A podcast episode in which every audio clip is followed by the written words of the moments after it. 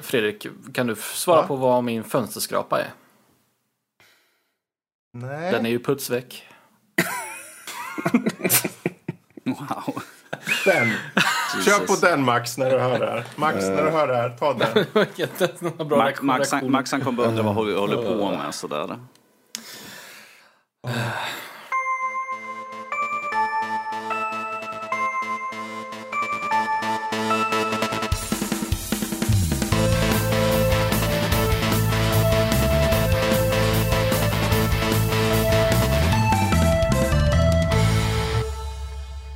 Hej och välkommen till Nördliv, en podcast om spel och nörderi av alla de slag.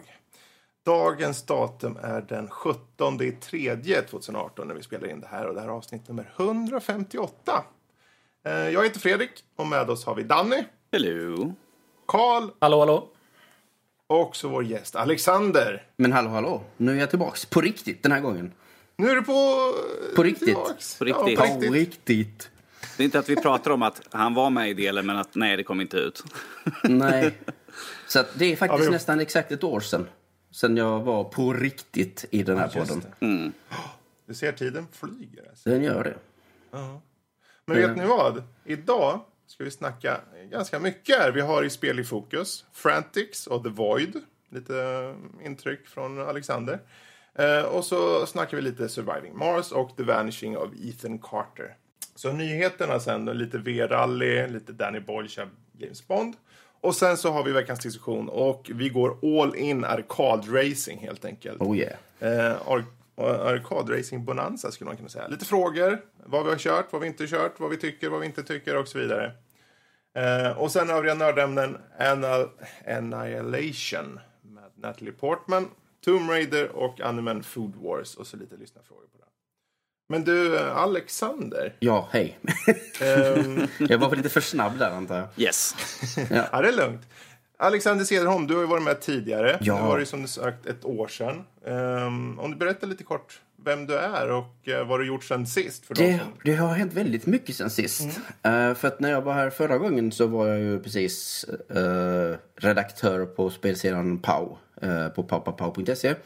Men sen i somras så började jag med ett annat projekt. eh, som heter Player One och som vi öppnade i november. Så mm. när vi var på det förra programmet så kunde jag säga hej, jag är nu eh, redaktör på en sida som heter playerone.se.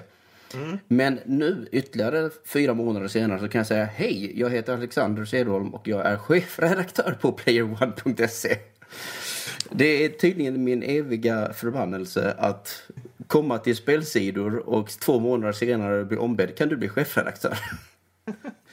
Eh, Det är faktiskt andra gången det händer i mitt liv. Um, Och förra gången ledde det till ja, Nintendo, Net och Gamecore.se och så vidare. Uh, men ja, det, vi, vi fyllde precis fyra månader. Uh, you know, det är väl en milstolpe på något sätt. Ja. Men uh, Player One är ju som det låter en, uh, en gaming-sajt. Eller finns det ja. andra aspekter till den också? Nej, vi kör just nu bara på, eh, på gaming. Och jag menar, det är där expertisen ligger om man säger så. Eh, Det är ju många erfarna, alltså så här, det är folk från gamla Eurogamer.se och eh, även IGN. Och så då jag som har, gud vad är jag uppe i, snart 18 års erfarenhet och spelkritik. Ehm, så det är ju en del om vi säger så. Eh, Kanske finns, kanske finns en anledning varför du blir chefsredaktör då sådär. Kanske det. Jag har ett, jag har ett, jag tror jag har ett ofantligt driv, om man säger så.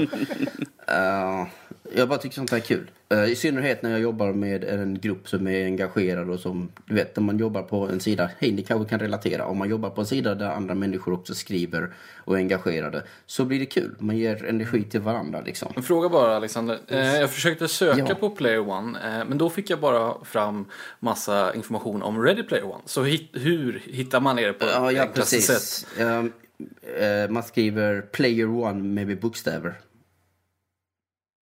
Så P-L-A-Y-E-R-O-N-E.se. .se, okej. okej. Då så. Inte .com eller någonting sånt. Så den här player.one det är inte ni alltså? Nej. Nej, inte play, nej. det är inte player.one utan player one som ett ord Då så. skrivet.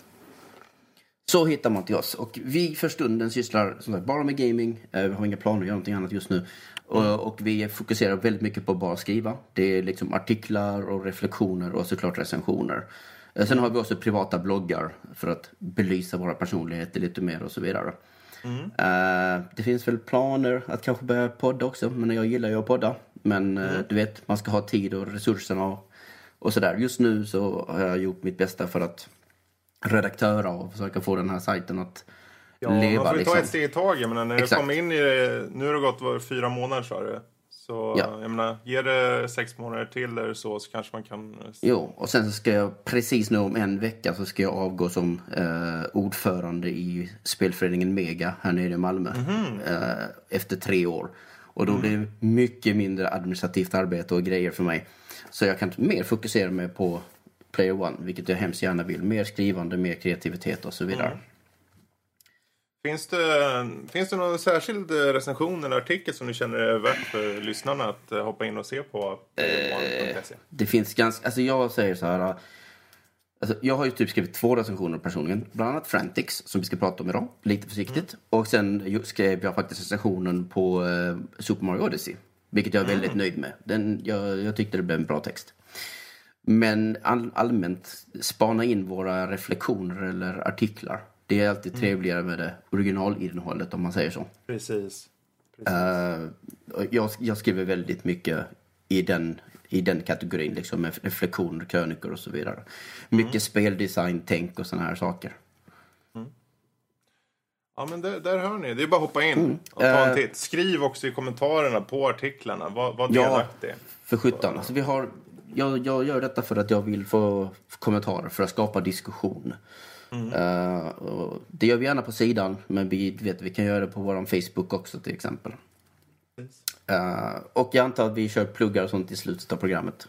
Ja, då. Ja, vi har en eh, annan sak som jag vill nämna också, men det tar vi sen. Det tar vi sen. Men eh, nu var vi ju lite inne på spel här, så vi hoppar eh, faktiskt raskt över till spel i fokus. Och så, du sa ju Frantix. Frantix, ja. Eh, Är det Playstation Link, sa du, eller? Yes, det är ett Playstation Link-spel. Det är gjort av Napnock, är här som håller hus i eh, Köpenhamn. Som gjorde det här Affordable Space Adventures, bland annat på Wii U. Jajamän, jag har spelat det. Det Ja. uppskattar det stort. Det är ett coolt Ja, spel, eller hur? Eh, och Napnock gillar att göra spel som utnyttjar annorlunda kontroller och så vidare. De håller på med så här AR-spel och paddor och med drönare och allt möjligt. De experimenterar väldigt mycket med kontroll. Så att, att de gör Frantix är ganska logiskt. Eh, det tråkiga tycker jag kanske med just det spelet är att det inte använder sig så mycket av mobiltelefonerna. För, eh, Playstation Link, om inte folk som lyssnar vet vad det är för någonting så är det liksom Sonys initiativ med att spela via mobiltelefonen. Ni har spelat det, ja. Jackbox Games eller någonting åt det hållet så liksom försöker Sony göra en sak med det.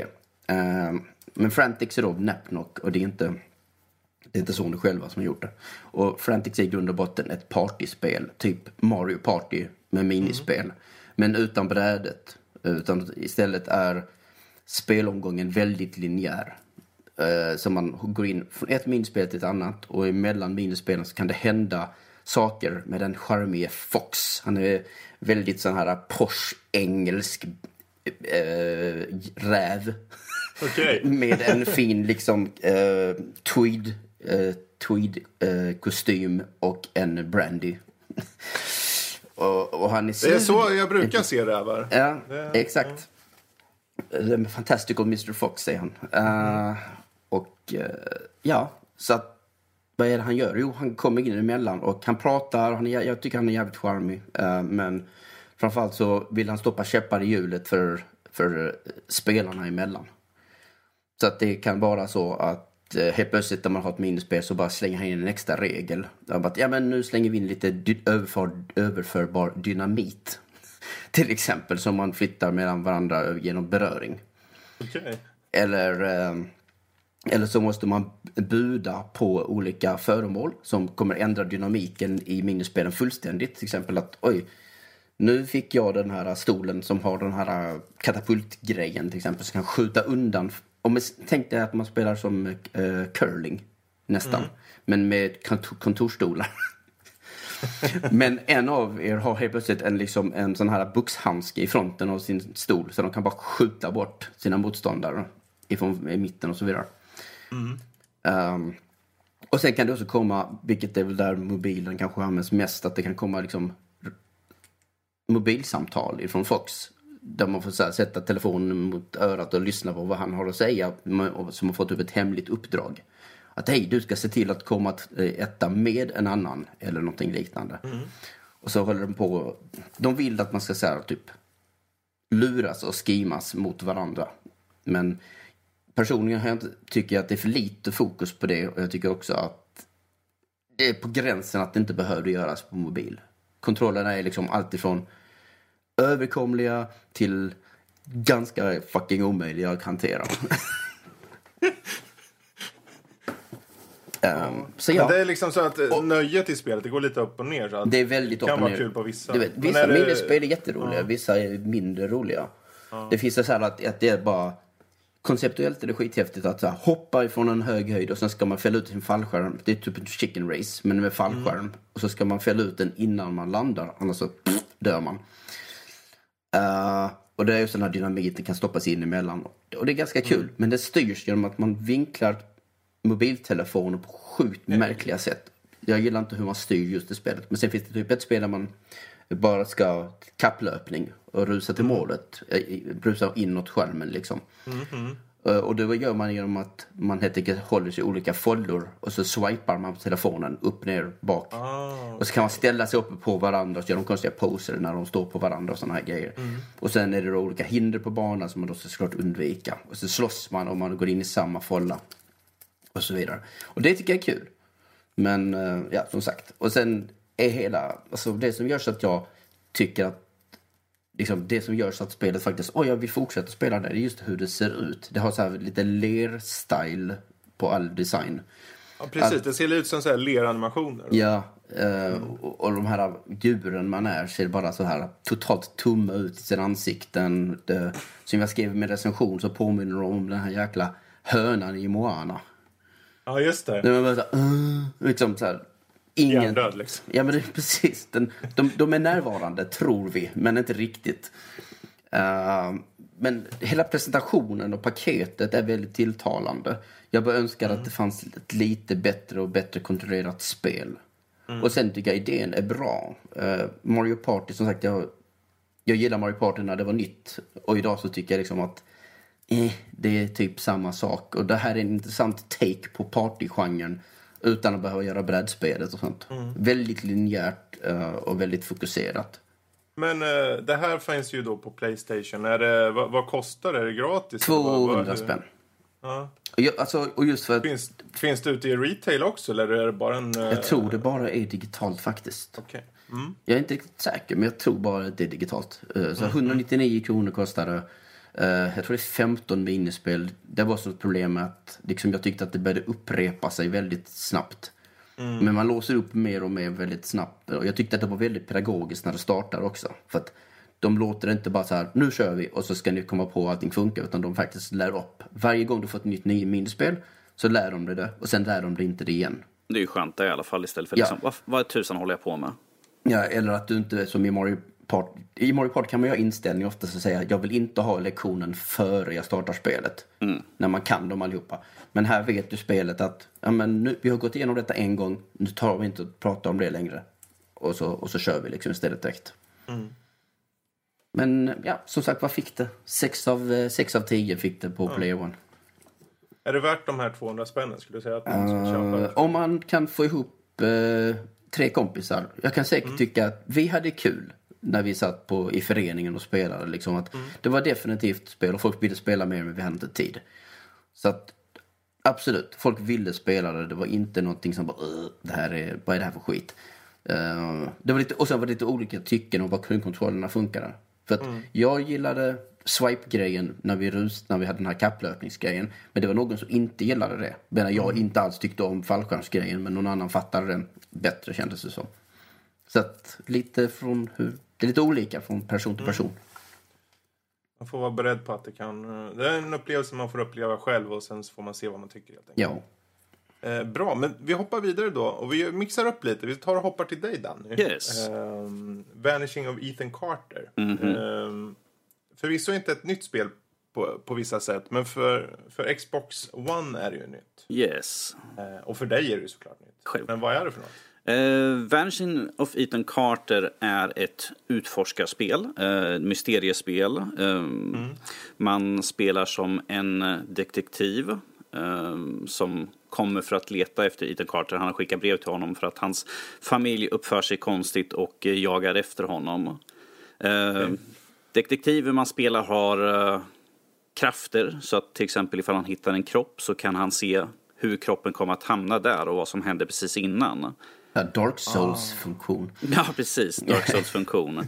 Ehm, spelet är väldigt öppet och det är fritt fram för dig hur du vill ta dig an spelet helt enkelt. Och det är inget handhållande överhuvudtaget. Ehm, väldigt många gånger har jag liksom slitit håret frustrerande. Liksom. Jag bara, jag har ingen aning vad jag ska göra för något. För att det, det lär sig inte. Det är liksom naturligt genom spelets gång att du lär dig hur du klarar av saker och ting. Eh, hur du letar upp saker och ting. Till exempel, eh, du kan komma till eh, ett tåg och så står det liksom så här att du behöver en nyckel och så står det texten key och så tittar man på den, klickar och då börjar eh, det cirkulera massvis eh, ordet key massvis gånger så tittar man runt på världen och sen liksom när, när det stannar till så kan man klicka det så får man en bild på vart nyckeln finns gömd någonstans i världen. Vilket är en lite intressant take på det hela. Eh, Så det är inte liksom bara att, ah, ja, nyckeln är där borta, gå dit. Utan det är liksom så här, jag måste leta, jag måste ta reda på vad det är. Och sen ehm, när man utreder en brottsplats eh, så går man in som i en andevärld. Man får se eh, fem, till exempel fem stycken platser där någonting har hänt liksom, som berättar historien. Så ska man sätta i vilken ordning som saker och ting hände. Och det är mycket trial and error på det. Så att ibland var det liksom så här att ah, okej, jag hade fel på en utav dem, nu måste jag börja om från början och liksom sätta ut allting igen. Men det är ganska intressant. Eh, Spelet är extremt snyggt eh, och välgjort. Eh, De har använt som en fotorealistisk eh, högtextur i spelet. Så det är väldigt vackert att gå omkring. Jag, jag, kunde, jag kunde ha struntat i att leta efter mysterier. Jag kunde bara vandra omkring där och titta på naturen helt enkelt. Sådär. Jag kommer ihåg när det kom på PC och de bara wow. Liksom, det var så här ett spel som verkligen tog nästa steg när det kom till liksom graphic fidelity liksom, på datorn. Det var sjukt snyggt. När kom det? kom 2016 va? 2014 kom spelet ut första gången. Precis. 14? Yes. Ja. Oj. Oj, okej. Mm. Det har tagit Men sin tid. är det roligt då? Alltså är det, är det spännande eller underhållande? Det är väldigt underhållande och det är, hela tiden när man löser en gåta då får man lite driv att ta reda på vad som har hänt för att eh, man följer efter liksom i spåren vart han har tagit vägen och i spåren så finns det ju hans olika familjemedlemmar som man får lösa mysterier om dem eh, och, samt, Okej. och samtidigt får man reda på att han verkar ha väckt upp något som kallas för The Sleeper. Eh, Så det finns ju ett övernaturligt tema på det hela. Jag har att Rob har pratat om det här någon gång tidigare. Och han, Ja, han, var lite, var, han var, eh, tyckte det var lite ruskigt eller vad det var för någonting. Ja, han tyckte ju det. Och jag, Vad får den här entiteten för namn när den vaknar istället? det är en bra fråga. Mycket bra fråga. The Awakened. The Awakened, Det, ja, precis. det låter som ett bra namn faktiskt. The The Woke One. Men som sagt, Ja, jag, jag tycker det är kul att man, du kan ju som sagt gå lös på spelet bäst du vill. Såklart finns det ju en, en viss, vissa ställen du ska, måste gå och göra, liksom, och lösa grejer. Men att utöver det, du kan ju liksom gå, du behöver inte gå till första brottsplatsen, du kan gå och ta en andra eller tredje eller sånt där. Det är ju helt och hållet upp till spelarna, beroende på hur man vill ta sig an det. Lite frisk, frisk fläkt faktiskt. Och jag är så glad att eh, man inte hade någon som liksom och nu går du bort hit. Ja, ja, ja okej. Och du tar och klickar på den här med A. Jag, bara, jag vill inte ha någonting. Jag har kört Metal Gear Survive. Jag behöver inte någon som säger hur fan jag ska göra allting om och om igen. Det här är liksom nothing. Det var ingenting. Det, det fanns liksom eh, du kunde trycka på vilken knapp som helst på kontrollen. Det, är liksom, du kunde styra och du hade liksom en knapp som du gjorde för att göra saker. That's it. Men när du tryckte på start då var det liksom så här option, eh, fortsätta spelet och sluta. Ingenting annat. Det fanns ingen inventory, ingenting alls. Du plockade på dig saker som du använde liksom på vissa platser. Du behövde inte gå in och kolla, hmm, tror jag ska använda det här för någonting. För när du hade hittat grejen så visste du vart du skulle använda den någonstans mer eller mindre. Så det var liksom så basic, det var så skönt, så avslappnande. Det var riktigt skönt att spela det här spelet. Finns det några mindre bra aspekter? Mindre bra aspekter. Eh, är som, Om det ens finns några? det, finns några, det finns några stycken, några saker som jag great eh, med. Och det är till exempel väldigt mycket pop-in av eh, texturer. Och eftersom de använder en sån högupplöst textur så är det väldigt irriterande när man kliver runt ett hörn och så ser man jag tror det ska vara en sten, men det är bara en grå textur över hela. Sen går man närmare och så ser man det sakta men säkert poppar in den här, för de har ju vanligtvis textur som när man är långt ifrån, sen ju närmare man kommer så tar de liksom och tar in den och helt plötsligt, ah nu är det jättekrispt och jättefint, men att det är väldigt mycket sånt, så det är någonting som jag känner att de måste fixa lite grann med. De kommer ju släppa snart, eh, för de som har Xbox eh, One X, X. så släpper de deras den här, eh, vad heter det för någonting? Enhanced, Enhanced, edition, liksom. enhanced precis. De här som de ska fixa med att spelet kan köras i 4K och allt sånt där. Och då hoppas jag att vi får lite fixningar till det här spelet. Jag tänkte precis fråga dig, har du en X? nej, jag har inte en X. Nej, men att jag okej. hoppas att medan de gör det så kan de fixa till den här så att eh, de kanske liksom... Det är inte så mycket på, för det har varit väldigt mycket när man gått förbi och sen tar man till man bara, vänta vad fan, jag kan knappt läsa texten på den här eh, godståget. Liksom, så vänder man tillbaka, till tillbaka. Ja, men nu kan jag läsa texten. Okej. Eh, ljudbilden är lite till och från. Eh, det är väldigt mycket ambient ljud och sen har vi musik som går i bakgrunden, väldigt stämningsfull musik. Men att när man kliver in i ett hus så blir det helt plötsligt, först är det liksom så här, man hör vatten som porlar och liksom vinden som blåser. Sen kliver man in och det är knäpptyst helt plötsligt. Jag bara, Sen backar man ut och så fejdar allt ljud tillbaka. Jag bara, eh, det är inte så det fungerar när man går in i ett hus. Det blir inte liksom knäpptyst eller något sånt där. Det var, det var lite, det tog, fick mig liksom att komma ur spelet. När man bara, Märkliga osynliga väggar fast en ljudvägg. Precis. Precis. precis. Och det var liksom... Osynliga För att eh, allting utspelar sig vid en stor damm. Och ibland liksom beroende på hur nära man var till vattnet så ibland var det jättehögt liksom vattenspåren. Sen gick klev man typ ett steg åt sidan. Då liksom försvann nästan allt ljud. Så man bara... Det är, inte så här, Det det, är som- det, är inte så här naturen fungerar. Det är inte liksom att Det- åh, jag är en, en meter längre bort och ljudet försvinner. Men det är, små, det... Det- är detaljer egentligen ju. Det är ju sånt som spel kan göra med ljus också ju. Mm, ja, Alltså, väldigt onaturliga överslag helt plötsligt, liksom, eller släckningar. Ja, ja, jag antar Men det är en ändå ett del. eh, gott tecken på något sätt att du har levt in det så pass mycket att du liksom fäster vid de här små detaljerna. Liksom. Mm. För det, det verkar ju vara väldigt eh, engagerande på något sätt. Och, och det som de har nu till eh, konsolversionen är att det finns en free roam. Så du kan bara liksom gå och utforska och titta istället. Du behöver inte oroa dig för liksom mysterier eller något sånt. Du kan liksom bara gå och avnjuta naturen och omgivningen. Vilket jag tycker är rätt kul. Men det här, om jag förstår rätt, så liksom, för när man såg det här spelet första gången så minns jag att man tänkte att det här är ett, så här, en walking sim. Yes. Men man gör ett stort misstag om man tror att det är en walking sim för att det är mycket öppnare och det är ett, rakt av, det är mer myst. Liksom, det är ett yes. pusselspel med öppen miljö. Yes. Ja, så liksom man vet, veta vad man ger sig, på, ger sig in i liksom. Det är inte bara liksom gå längs med vägen och sen hoppas på att de, någon börjar prata lite grann och sådär. Och sen, ja, Nej. jag fortsätter bara gå. Så. Nej. You're on your own, jag förstår. Ja, du kommer ju ta upp det här lite mer. Du kommer ju skriva en kommer skriva en recension recension om som kommer ut nästa vecka. Får ni väl läsa där. Yes. Ehm, bra. Men vet du vad? Eh, vi hoppar tillbaka till Alexander nu. Jag är lite nyfiken på The Void. Mm. Eh, VR, AR kombinerat. Eller hur var det? Ja, precis. The- The Void. Det är så att jag var i Kanada över julen tillsammans med flickvännen. Och när jag var i Toronto så helt plötsligt så bara fick jag syn på den här texten där det stod The Void. Och jag bara, jag känner igen det. Och sen så kommer jag ihåg att jag har sett liksom så här promo-reklam, alltså trailers och sådana grejer för det. Och det är det här spelet, The Void kan göra olika saker. Men i det här fallet så var det just Ghostbusters-spelet. Vilket gjorde så jag var jättepepp på att vilja testa det. Um, och om de som vet inte vet det. The Void är, låt oss säga att vi kombinerar VR med Laserdome och AR. Ur, eh, ja, inte AR egentligen. Jag skulle säga VR och Laserdome helt ärligt. Eh, för du ser inte den verkliga världen. Men det de har gjort är att de har liksom, man har byggt en arena. En fysisk arena i trä bara rakt av. Massa korridorer och rum och så vidare. Och du vandrar runt i de rummen. I den här dräkten och med hjälmen du har liksom. Och så får du helt enkelt en gardin av VR-gardin framför ansiktet. Och när du tar på väggen så tar du på väggen. Liksom. Du, känner liksom, här är den. Eh, det enda problemet, eller det enda tråkiga med den biten var att jag inte hade jag önskar liksom att jag hade haft några VR-handskar eller någonting. För att det enda som syntes var mitt vapen, alltså mitt protonpack. Eh, Men mina händer var faktiskt inte mappade.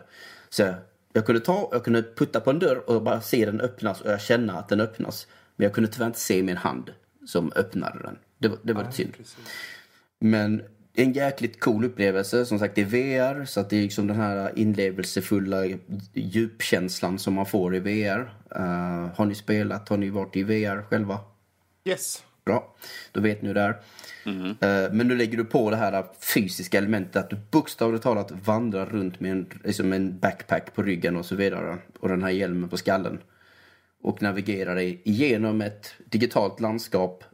Men samtidigt så vandrar du bokstavligt talat runt i korridorer och ställer dig i rum och så vidare. Och sen är det då Ghostbusters, så att du har din protonpack och grejer och du skjuter på spöken. Och saker händer. Det finns, fanns ett ställe där jag åkte in hiss, så jag gick in i något typ av rum, I guess.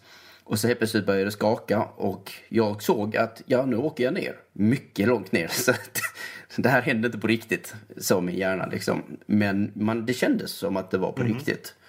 Uh, man får den här känslan av VR. Och sen uppe på det då att rummet det här skakade och det kändes som att jag var i en hiss. Och sen när jag kom ner till en våning så helt plötsligt såg jag Slimer längre fram i korridoren. Och så vänder han sig och så kommer han emot mig, ni vet det klassiska. Och ja, precis. Och när han åker igenom gallret och rätt på mig så skakar dräkten. Så att jag känner att han är på mig och det kommer en whiff av någon jävla vätska i ansiktet på mig. Väldigt försiktigt. Inte så att jag bara plask så det liksom, utan mer så att någon sprutade typ vatten på mig eller någonting. Alltså det var så här, Timer sprutar i ansiktet helt enkelt. Där har vi just avsnittstiteln. Eller ja. Eh, Ja, och när Slimer Eh. sprutar mig i ansiktet. Japp. Uh, förstörde ju programmet. Ja. ja. Nej, och så... Det är, det är Ghostbusters hög klass är här det- på Nördliv. Är det, Ja, jag väldigt tänkte. The Void alltså, är, för, förstår jag rätt att The Void är själva liksom eh, stället? Nej, eh, det Eller- var ju tjänsten eller produkten. Ja. Men, och de pro- har olika men de har olika eller? Mm. spel. Precis. Men Ghostbusters är väl det som är mest känt. Det finns något annat som är okej. något fantasyaktigt tror jag. Eh, en annan sak eh, som jag vill nämna också när jag gjorde det här. För, att, för det var en gång. För att VR kan fortfarande så get me. Liksom. Jag kan Mm. verkligen bara, oh my god jag klarar inte av detta. Liksom, det här är för mycket. Mm. När jag gick in i Google Earth första gången så höll jag på att fucking balla ur när jag gick upp på Turning Torso här i Malmö till exempel. Eller någonting. När man är en naturlig storlek och bara helt plötsligt skuttar onaturligt högt upp och så är man där uppe liksom. Ja, man får ja. svindel typ. Eh, och det här spelet gjorde det för att de sprängde, eller en vägg pajade. Och sen så Mm. ville de att jag skulle gå ut på utsidan av byggnaden som i en jävla actionfilm liksom. och jag såg också, och så ser man du vet ut i, ut i, eh, i, eh, i bakgrunden, man ser så här eh, du vet, stora skyskrapor med sån här virvlande spök, spöken runt sig och så vidare. Liksom, Skithäftigt. Men jag, de vill att jag, jag ska gå ut på den här jäkla kanten. Och sen så kom jag till en... eh, vad ska man kalla det? Eh, vad kallar man det? Sån här uh, fönsterputsarhiss. Och den såg så jävla shitty ut. jag ville inte gå ut på den. Det var liksom så här bara, nej. Liksom, om, de här, om den här bara överhuvudtaget rycker till eller någonting. För jag vet ju inte vad jag sätter fötterna på. Nej. Om den här rycker till eller någonting kommer jag skita på mig. liksom det är verkligen bara, uh. Jag kommer inte gilla detta alls.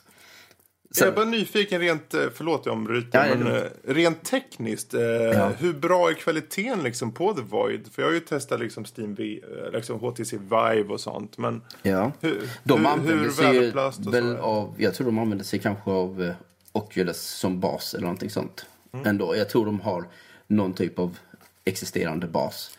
Det är väldigt bra mappat och så vidare. Liksom. Det, jag kände aldrig riktigt att det blev fel. Det enda jag saknade var liksom att jag ville att min hand ska synas. Mm. För det har gjort att jag har haft en ännu större så här connect med världen. Lite mer taktil känsla, att liksom jag kan Ja, se vad- vad jag rör vid för någonting. Ja. Ja, precis. Jag kan se vad jag rör vid. För att jag kan känna vad jag rör vid. Och det är ett steg på vägen och det är väldigt häftigt. Men det är ännu bättre att jag dessutom se att jag gör det. Eh, Men då har vi ju det här problemet med clipping och så vidare. Så hur får man det liksom att funka? Eh, Men, ja nej, eh, faktum är att jag faktiskt fick nästan kallsvettningar vid den här jävla kanten på byggnaden. så att jag lyfte hjälmen och bara, jag måste in i verkligheten och fatta vad jag tittar på. Och så, så bara, okej, okay, det är bara en vit planka. Det finns ingenting här som kan röra sig. och så vidare. och faktum är att jag bara så skuttade över den biten och så bara, okej, okay, nu står jag här på kanten. Och så blev det en sån här duell med massa gargoyles som vaknade till liv och grejer. Och sen så i slutändan kom även Stay Puft och raserade byggnadens vägg. Och jag bara står och grillar honom och grejer. Det är sjukt cool upplevelse. Men det kostar typ så 180 spänn tror jag det kostade. Men jag var redo att lägga det. 180 spänn, men det är ju inte så farligt. Nej, inte för den. Alltså så här, om man säger så, det är en high-end upplevelse va. Mm. Men den pågår kanske i 15 minuter. Ja. Och jag hade kunnat spela co-op också, då kan man säga korsa strålarna. Ja, men man ska uh, inte det... korsa strålarna, hallå? Nej, men här skulle man tydligen göra det i slutet. Don't det, cross the streams! När, när, man gör den sista saken mot det sista spöket så är det också då att man slänger fram eh, fällan och så vidare. Och det såg sjukt coolt ja. ut. Så liksom, du kan nog inte komma närmre en genuin Ghostbusters-upplevelse liksom. Alltså nu får du vara tyst här för nu måste jag snart packa mina väskor och åka till Kanada. För det här vill jag... Hej då! Det finns ju, det finns ju på fler ställen men för mig det var bara så här, oj vilken lyckträff liksom. Mm. Ja verkligen. Uh, men faktum är att jag också, jag kan tala här mycket kortare för det här är ingen upplevelse på samma sätt. Det här är väldigt, så här, en väldigt uh, designad och linjär liksom styrd upplevelse ju. Mm. Men dagen innan vi skulle resa hem så hade min flickvän och eh, hennes då släktingar, för hon, har släkt i Kanada helt enkelt. Mm. Så hade de och deras familj liksom förberett, de bara tog iväg mig till något jävla lagerhus. Jag bara, okay. vad fan ska vi? Eh, och där fanns det oväntat ett ställe som hette uh, Mirage VR. Och de jobbade också för, med VR. Och då fick jag en upplevelse också som var lite av det unika slaget. En co-op, fyra player co-op upplevelse i VR. Mm, coolt. Där vi spelade fantasy-spel så jag var en bågskytt. Så jag hade en, en jag hade en, en pinne i handen, en båge. Och sen så var det bara dra bak armen. Och nu, nu fick jag mappat på mina händer. Nu fick jag bollar på bena, äh, händer och äh, fötter. Mm. Och så hade jag en ryggsäck och så vidare. Och så var det dra bak din, du vet, spänn bågen som du gör med din arm och sen snabbt ner med ar hand, armen och då skjuter man. Och sen eh, flickvännen hade ett svärd och var då en krigare av det slaget och så var det någon som var, var magikern. Hon bara viftade med armarna fram så här. Eh, hur fan ska jag förklara det? Eh, tänk om man bara puttar sin arm framåt och bakåt mm. hela tiden. Och då bara skjuter man elbollar hela tiden. Och så kunde vi, det, där var liksom så här, det var lite jank i det spelet. Om man säger så. Liksom att oj shit, mm, armarna är helt fucked up nu och in i magen och såna grejer. Men till och från så var det liksom att, ja, där är, mina, där är ni liksom. Och vi kommunicerar i den här stora öppna ytan där vi spelade. Mm. Och, och sen det var high five och så försöker man hitta varandra. Liksom bara, yes, där var du! men det, som sagt, lite mer janky, men jävligt cool upplevelse. Uh, mm. Så flickvänner hade ju blivit liksom när, för det var ju bara, vad var det, tre dagar före den upplevelsen så hittade jag ju Void i Toronto. Och då blev det lite så här, åh nej, liksom han, han liksom fick en VR-upplevelse ändå liksom. Men det var väldigt annorlunda för det, då spelade jag ju inte med, med fyra vänner och det var så en och en halv timme som vi höll på med det liksom, två team. Mm. Uh, det, det, var, det var sjukt Hur stor var lokalen? Jag bara nyfiken. Då, liksom. uh, hur ska jag beskriva det? Som, som ett väldigt liksom. stort vardagsrum kanske, alltså just den biten där ja, vi spelade. Ja. Men hela ytan användes inte. För att du ja, vet, du har ett inhägnat område kan man säga, alltså digital mm. inhägning. Så blir man ju inte hela vägen ute i väggarna liksom. Nej, precis. Uh, och sen hade man, ja precis, olika liksom, uh, kommandon med händerna. Liksom, så här. Om jag höll upp min hand ett tag och sen ner med den så gjorde jag mm. typ en rökbomb så att, så här, eller slog bort fienderna när de kommer och så vidare. Mm. Eh, och då var det mer som en, en ett, alltså, vad heter det så här, när man spelar vågor. Liksom att alla fiender ja, kom runt om oss ja. och så bara stod vi i en cirkel med ryggen mot varandra oftast liksom bara, bara mm. höll stånd mot motståndarna. Ja, men det, det, är, det, är, ju ett format som passar i VR, du, du, hård, hård mode överlag. Mm. Det är ju en av de spelen som jag har testat var ju det. Vet inte vad det heter, man skjuter robotar. Men, ehm, Men ja. inte i samma rum. Du, har du spelat en liknande sak eller? Nej, men jag har bara spelat ett, som ett, ett spel som hade hård mode Ja, ja, ja, ja okej. så, Yes. i VR. Men det var väl det. Jag fick två väldigt häftiga VR-upplevelser borta i Kanada. Eh, som jag ville dela nice. med mig av. Ja, Kan vi, Det ju- kan vi det hoppas att vi får att in till Sverige någon gång kanske? ja faktiskt. Det är väl bara att kolla upp det? dem liksom på nätet och se var de har sina ställen. Mm. Det här hittade vi liksom på ett ställe som var så här en stor arkad typ i princip. Mm, Restaurang och arkad. Åh. Det var precis, om man är i Kanada, om ni åker till Kanada, åk till Toronto. Det ligger, jag kommer inte ihåg vad hette stället, nu kommer jag inte ihåg vad det hette men det låg precis bredvid liksom CN Tower och eh, Ripley's Aquarium. Det är där du typ sticker när du är i Toronto som turist. Om du ska upp i CN Tower, liksom upp 400 meter upp i luften. Ehm, så det låg väldigt, väldigt nära det. Där har ni det. Ja. Det är eh, VR för hela slanten Ja. där som gäller. Ehm, bra. Eh, vi hoppar vidare. Eh, från eh, så inlevelsefulla upplevelser till andra inlevelsefulla upplevelser. Jag har ju kört Surviving Mars. Ehm, som är city building på Mars med inslag av Factorio och överlevnad och Okej. eh, slumpmässiga teknologier. Ehm, det här spelet är sjukt i huvudet. Det passar dig perfekt i Ja, så om du har fall. element av Factorio, jag kan tänka mig för, det. För att eh, jag började köra det och det gick ju käpprätt åt eh, pipsvängen. Alltså, där jag bara, vad fan, de här resurserna tar slut på en gång. Jag hinner inte... För du, måste ju eh, excavata liksom resurser på ytan liksom. Ja. Så här, eh, eh, typ eh, drills och liknande.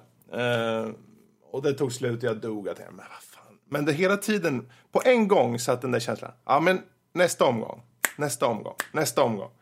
Och till slut nu, faktiskt innan jag spelade in det här så har jag maximerat spelet så mycket. Jag har allting som någonsin kan byggas har jag byggt. eh, I en värld. Och Jag har typ tjänat miljoner på miljoner och känner nu bara, ja, jag ska börja om. Jag ska börja om. det, vad är det för något? Jo, du bygger en koloni på Mars yta och du ska försöka överleva. Eh, du Från- måste från ha vad? vatten. Va? Från vad? Vad överlever man från? Alltså, finns det fiender i det här spelet? Eller, Nej, nej. eller det är bara att du ska överleva. De, de försöker hitta eh, mer bobar yta ute i, i universum. Så det är i grund och botten ett byggarspel mycket mer än ett Ja. strategispel? Ja, det är det. Eller, det, är ja, du vet vad jag menar liksom. Ja. det, det är ett city building i- coolt. spel egentligen. Jag trodde att det hade element av typ, you know, Starcraft eller någonting. För att det ser ut som att det fanns utomjordiska hot. Det kan... Det är här som det också sker. Det, vi om börjar på början. Det är som, precis som sagt där. Det är ett city building kan man säga på Marsyta. Du måste se till att du får... eh, Inledningsvis måste du ha syre, du måste hitta vatten och du måste eh, fixa el då såklart. Och sen efter det, då börjar du få in resurserna och en resurs leder till en annan resurs som du behöver för att kunna göra det ena och det andra. Och så. Eh, Men när du, startar upp, när du startar så kan du välja svårighetsgrad. Eh, Och det beror, du har hela Mars yta att välja på. Du kan dra var som helst på Mars yta och, och börja där. Eh, Så får du en, en, en, ett, ett område där som du kan spela. Och allting, ju fort du drar musen över, eller handkontrollen, för det här finns på, på konsol också. Över ytan så ser du svårighetsgraden för ja, okej, det här är 100%, det är 80%, det är 300%, det är 50% och det skiljer sig för varje område har eh, meteoriter extra mycket, vissa kanske har så här dust, eh, twisters och så vidare. Så finns, det finns olika, du får bonus på lite mer om det är lite svårare och så. Men när du då väljer att starta eh, spelet så, så väljer du, kom, det finns en mängd olika liksom, eh, företag som backar upp dig kan man säga, som ger dig stålar. Den lättaste ger dig 30 mille och sen kan du börja bygga. Och den, den svåraste ger dig kanske 2 miljoner och knappt några förmågor alls. Liksom. Um, men när du väl då plantar ner på, på planeten så, så gäller det att se till vad har jag för några resurser eh, tillgängliga. För du får öppna upp kartan också. Så du vet kanske inte, det är också slumpmässigt, vart, vart öppnas det upp? Och du kan med, med hjälp av, en- av en teknologi, öppna upp lite fler. But that's it. Sen är det bara att köra. Om du inte väljer att starta om banan då förstås. Men framförallt, och det var där du var inne, inne lite på med aliens och så. Ehm, när du väljer uppdraget, eh, då väljer du också mysterium. Det finns eh, någon slags form av mysterium. Man kan välja my- mystery. Jag tror det kallas något annat, men jag kommer inte ihåg vad det heter just nu i talande stund. Eh, det finns typ 15 olika, de har olika svårighetsgrader. Och allt som står om det är ett citat från någon känd författare eller någonting. Eh, och man bara, okej.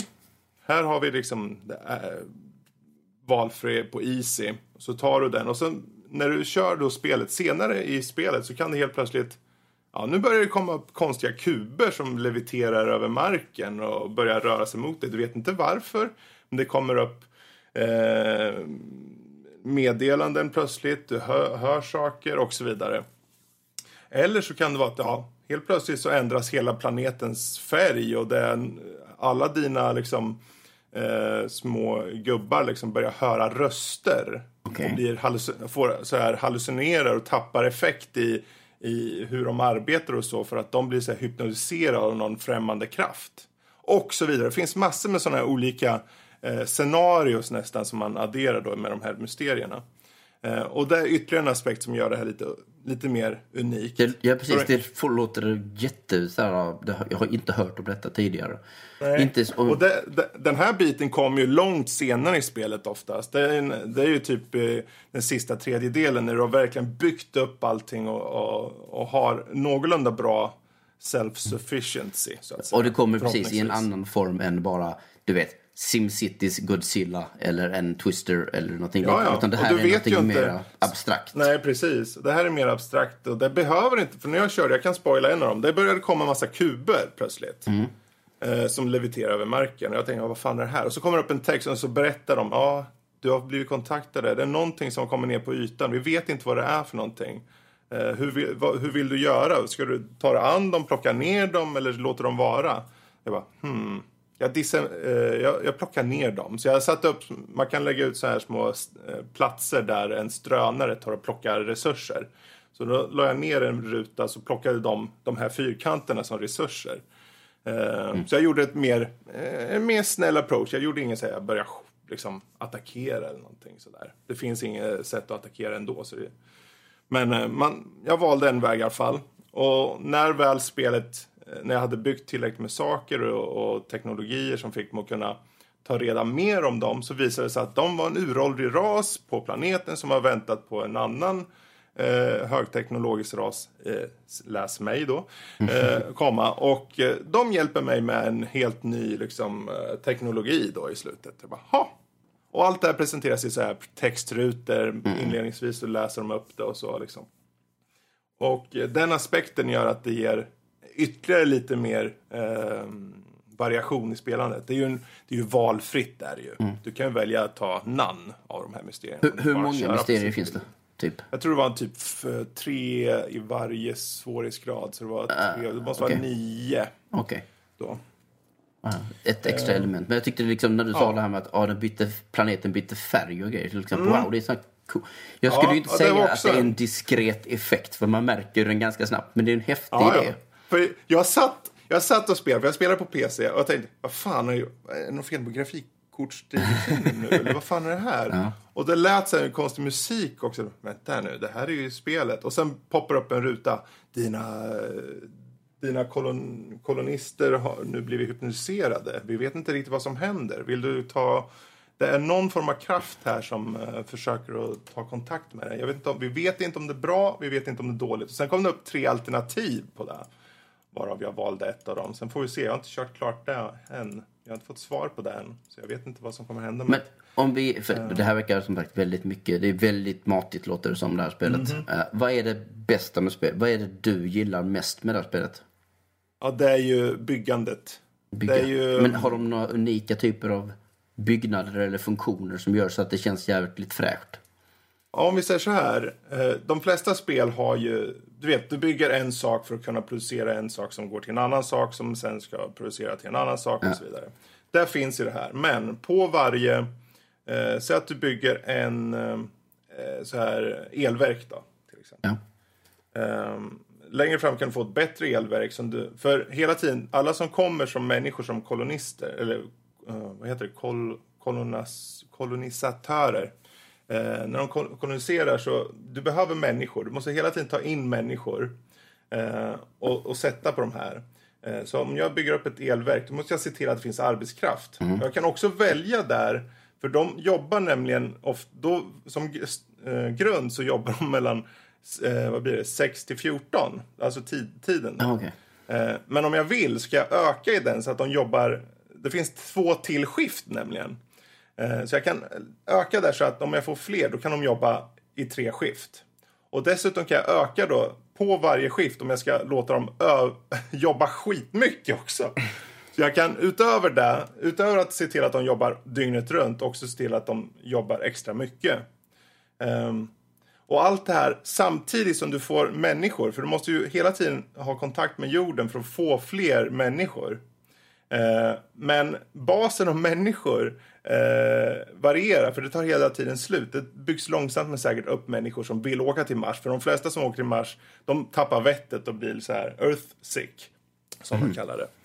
Eh, så du måste se till att de har sina, det är lite Sims där också. Du måste se till att de får nöjen i det stora så här domes, biodomes man bygger upp där de måste bo i. Ser till att, ja, de här, de, nu fick du in folk som är gamblers här. Du måste se till att de har kasino eller liknande så att de håller sig nöjda. Annars blir de, annars kanske de tar skit och sticker bara. Um, och dessutom, alla de här människorna på jorden då, när du väl ska ta hit, eh, ta folk till Mars, så får du kolla, vad är det för människor? För du kan, du kan sortera dem på eh, bra kvaliteter men också på deras dåliga. Och det finns till och med de som är rena idioter. Det står bara idiots. Du har tre idioter som kommer här. Du kan ta dem, de kanske inte gör något, de fattar inte hur de ska, de kanske förstör dina liksom, eh, elverk. Vi ville bara bli av med dem från jorden. Det, det, ja, finns, det, finns, det finns hopp för mig alltså, med andra ord. Mm. Det finns du liksom... kan få se Mars äh, Ja! Idioter! Och jag blev så... Det var så kul. Jag bara tittade, vänta här, jag måste kolla på de här uh, weak uh, traits. Okej. Okay. Mm, okay, det finns... Jag har tre idioter, tre gluttons. Okej. Okay. Uh, tre... så här, folk som... Så här, vad heter det? När de tror att de är sjuka hela tiden. Hypokondriker. Hypokondriker, ja. jag bara, jaha, det är allt jag kan ta hit. Ja, ja, jag tar hit de där hypokondrikerna. Ja, det är väl bäst. Då, Gluttony ja. låter ju bara som att de kommer äta upp dina resurser. Ja, precis. Man måste ju göra mat också. Mm. Och tro fan att de äter mer än de andra också. Jävla asgummor. Alltså, fan. Hur många resurser jag... finns det? Oj.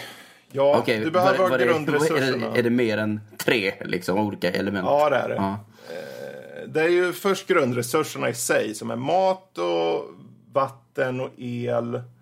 Eh, och sen så måste du ju såklart ha, för att skapa saker så måste du ha typ järn, du måste ha betong, du måste Oj, ha okay, kretskort och så vidare. Det är väldigt specifikt med olika ja. saker. Det är inte så här, precis, det är inte Starcraft liksom. Det är inte så här, ja de här magiska kristallerna och den här gasen, det bygger det mesta.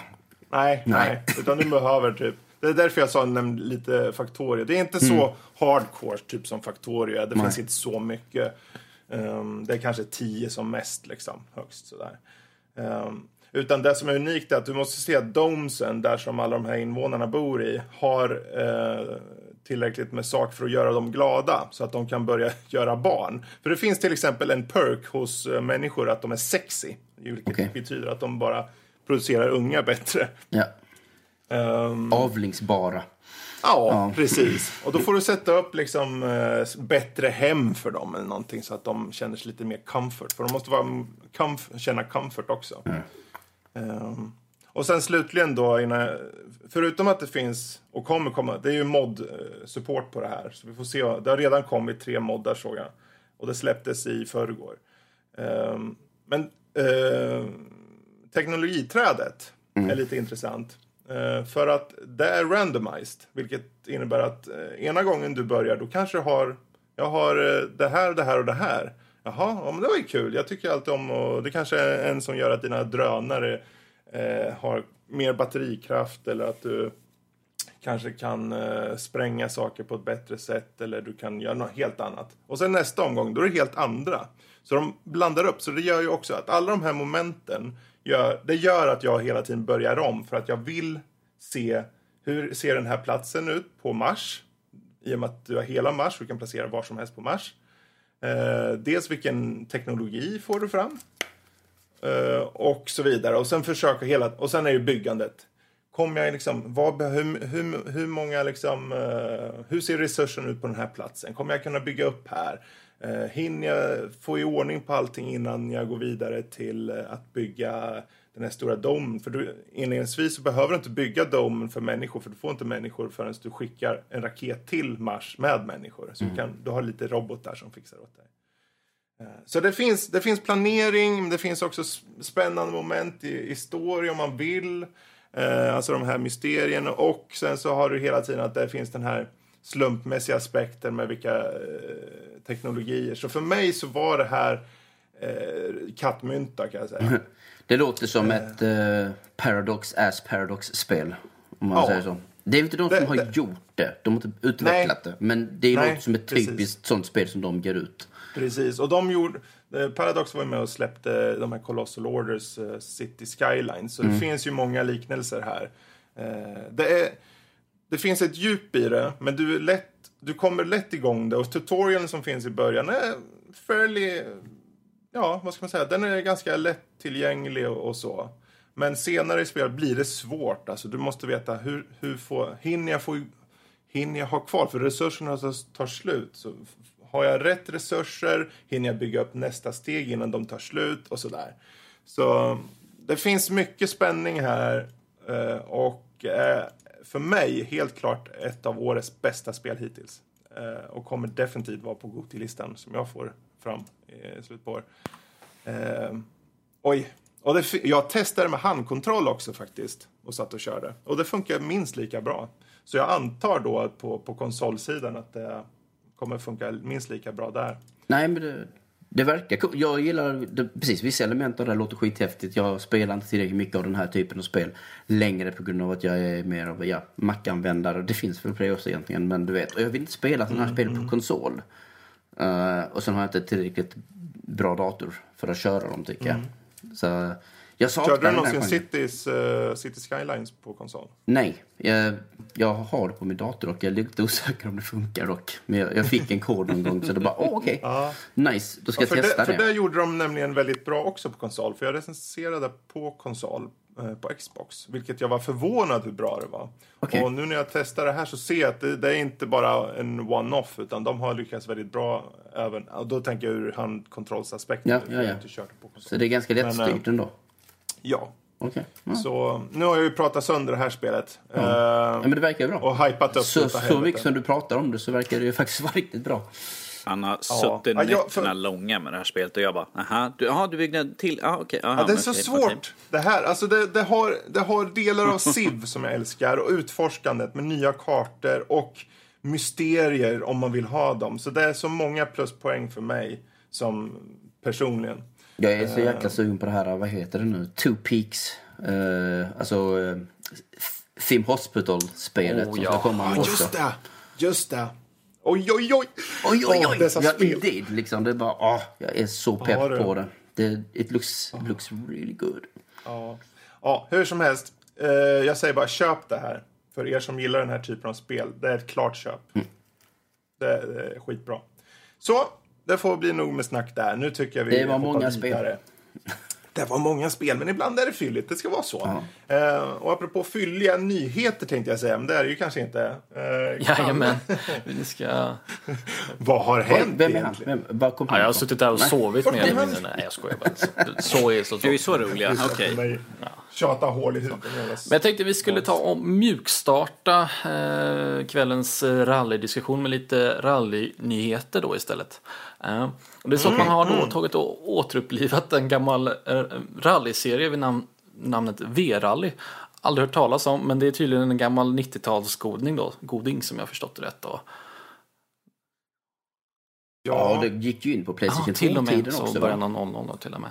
Eh, men V-rally 4 har blivit eh, tillkännagivet och det Åh, Det är en ja, gammal eh, racingserie som ska åter, återuppväckas. Precis. Fan, det fanns ju redan på eh, Nintendo 64. Så pass. Ja, alltså det fanns ju på Playstation. Ja, det Det, fanns det är ju det här 64 klassiska omslaget. Alltså jag vet att det är så gult med en blå bil typ. Ja, Det, ja. det är så ganska relativt ikoniskt tycker jag i alla fall. Det kan det vara. Jag körde nog ganska lite på det. Jag har för mig att det inte var så jättebra faktiskt, nu när jag tänker efter. Det- Eh, Men det var mest för att jag körde ju Colin McRae första där som kom eh, Ja, ja, ja. något år innan och var väl lite fast i det tror jag. Det är ju, vem var det som Eden Games gjorde det? Vad fan heter det? De gjorde, åh, vad gjorde de? I början av 360, eh, när, när Xboxen kom så kom det ju ett annat spel av dem. Det här Open World Racing-spelet som Tänker de du på gjorde. typ Test Drive eller? De, Test Drive Ja, Unlimited. det hette Test Drive Unlimited, exakt. Det, Jaha, var det dem? det gänget som gjorde originalet om jag inte minns fel. Var det inte där man kunde ha typ så här lägenhet och grejer? Och... Jo, exakt. Ja. Dansa i poolen och grejer. Yes. Passande i ett eh, racingspel kan man dansa i Polen. Eh, perfekt. Ja. Ja, ja, men det är ju kul att VR-rally kommer tillbaka. Och... Det är coolt att det är numrerat Ja, också. just, Jag, jag bara tyckte alltså, det är på gränsen att det har varit tyst så länge att man snarare startar om. Liksom. ja, hade det varit Ja, EA precis. som hade hållit i spakarna så hade det ju hetat Ja, V-rally bara i så fall. Ja. Nej, men all, alla spelsajter med olika speldatabaser tackar djupt och bockar sig. Så man behöver inte kalla det för V-rally 2018 då istället utan man kan Nej, alltså V-rally exakt. 4. Men Vera i grund och botten bara egentligen, det är, det är ett rallyspel. Så att det är... Och så får man spekulera vidare huruvida det ska bli någon arkadgrej eller någon superrealistisk sak. Det, det, det komma skall helt enkelt. Colin McRae var en ganska bra jämförelse. Ska vi gå vidare då? Då har man, det kommer fram att eh, Danny Boyle ska då recensera den nästkommande Bondfilmen, Bond nummer 25. Och han är då eh, regissören bakom eh, bland annat då Trainspotting och Slumdog Millionaire. Så att det, det finns ju 28 dagar ja, senare. 28 dagar senare och 127 timmar också. Den har jag inte sett Får inte glömma. Så det kanske inte är någon man går till direkt när man tänker Bond, men samtidigt så finns det ju oerhört eh, mycket kompetens bakom den här eh, regissören då, tänker jag. Så att, eh, och som, som du nämnde innan Fredrik, att han har ju mycket fokus på karaktärer här. Så det jag förväntar mig i alla fall är en riktigt, riktigt grym skurk i så fall. Att man får en riktigt bra skurk. Precis. Hoppas jag i alla fall. Ja, Eh, Ja, är det det- fortfarande Craig? ja, det är väl ja det, det Ja, hans okej. sista va? Han har ju Ja. skrivit upp sig för en till. Ja. Okej, sista. Jag undrar om de kommer, för om du tar in Boyle som är fokuserad på karaktär, han kanske kommer avsluta den Craigs Bond? Nu kändes det ju som att de avslutade i förra filmen. Det känns Ja, väldigt okej. avslutande på något sätt. De vill ha, de vill ha ett slut eh, till nu så. Vil- Vilken var det? Var det, var det Spectre? Ja, Spectre. Ja, Ja, precis. jag gillar inte den filmen. Jag var ganska besviken på den. Ja. Ja, ja, men eh, ja, det är väl intressant. Jag var lite så här, hmm. Det, alltså James Bond är ju ett spektakel i grund och botten. Liksom. Och han har aldrig varit en spektakelregissör sådär. Men de, det kanske å andra sidan är precis vad de behöver. De behöver någon som kan vi har- eh, Men- karaktärerna. Han recenserar ju någonting så udda som, eh, vad heter det, eh, Jobs, eller Steve Jobs-filmen också ju. Vilket, Precis. fast jag vet inte om det är så mycket regissören som att det är författaren i, i det fallet. För att, eh, och vad heter han? Eh, det är ju en Aaron Sorkin-film. Så det är ju bara manuset som driver den filmen. Uh, sen vet jag inte vad fan har han mer gjort. Det är en film, jag har på min, jag har en film på min så här, jag måste se-lista. Han har gjort Sunshine. Ja exakt, och den har jag inte eh, sett. Är den, är, är den bra? Den... eh, Den väcker mycket frågor Okej. och så. Det är bra Eh, med jag, filmer som... jag, tycker, jag tycker den var bra. Ja. Jag tycker den var bra. Men det är väldigt många som inte tycker den är bra också. Den är sån där divided liksom. Den är väldigt divided där den. Flickvännen Men, eh, verkar vara tycker kluven på den om jag förstått det rätt. Ja. Mm. Jag kan förstå det. Det är ju- den är- Slumdog Millionaire Fast den är, ju- eh, Sunshine är ju skriven av, av eh, Garland och han, Ja. han gör ju väldigt udda filmer ju så. Ja, han kommer ju komma in på sen när vi snackar Annihilation. Yes. Ja, precis. Spännande. Ja, ja. Danny Boyle for the win. Nästa då är det så att eh, nu har man bestämt då att eh, Star Wars Battlefront 2 att de ska skrota eh, sin gamla modell och så ska man köra på rak progression och eh, endast kosmetiska köp. Så ingen mer eh, köpa de här Star Cards eller vad de heter så att man kan få power-ups och eh, förmågor och ditten och datten och sådär. Alltså jag är så cynisk. Jag sitter och tänker, ja men de kommer nog ändra i sista sekunden. De smyger in det de liksom, smyger in lite grann vid sidan av sådär. Det kommer en uppdatering om tre månader. Men eh, det känns lite too little too late tycker jag. Har vi någon Det- uppfattning hur bra det här spelet har sålt vid det här laget? Liksom? Är det en större succé än det första Alltså, spelet? Eller har nej, det här det är det påverkat? inte. Nej, nej, de, fick ju nej, sänka nej. sin, eh, de fick ju sänka sin prognos till och med. eh, med den här. Ja, De hade en, en, en relativt hög prognos i antal sälj, eh, sålda ex och den sål, Mm. sänkte de då efter. När jag googlar lite snabbt på Bat- Star Wars Battlefront 2 Sales då kommer alla rubriker är att de har missat sina, sina satta mål som du sa då. Så de fick sänka. Ja, de har ju ändå sålt väldigt många Oh, ex. absolut. Har de ju. Jämfört med många andra spel så har de ju sålt Ja, enorma jo. mängder. Om man säger så här, enligt eh, Polygon så sålde man 9 miljoner kopior mellan oktober och december förra året. Så det är väl någon indikation, sen har det givetvis fortsatt sedan dess. Men, så 9 miljoner ko- kopior är ju inte på något sätt att fnysa åt, men eh, nej, det är det ju inte. Men det intressanta där, om vi gör en riktigt konstig jämförelse. Monster Hunter. Ett så väldigt sjukt nischat och väldigt udda spel som äntligen slog igenom nu liksom. Det är uppe i bara det 7-8 miljoner. Ja. Tänk dig att Monster Hunter är på samma säljnivå som ett Star Wars-spel. det är lite sjukt faktiskt. Så att det, Ja, eller rättare sagt att ett Star Wars-spel är på samma nivå som ett Monster Hunter-spel. Om vi vill sänka Star Wars lite och fatta liksom att jag Precis. tror de har gjort ganska mycket fel och sänkt liksom värdet på varumärket. Ja, jag, jag funderar dock angående det här spelet nu. För nu, vi, det är så mycket konsumtion av spel. Det kommer spel massor. Nu kommer Far Cry här snart. Det kommer Ditten och Datten, Way Out, allt möjligt. Vilket är det här ditten och datten? Berätta mer. Det är väldigt populärt. Det är det är om. Ditten och, och Datten. Det är två äh, bröder som letar efter korvar. Oh, coolt. Är det Gustaf Adolfs nya? Nej, det är Danny Larsens nya tror jag. Yay.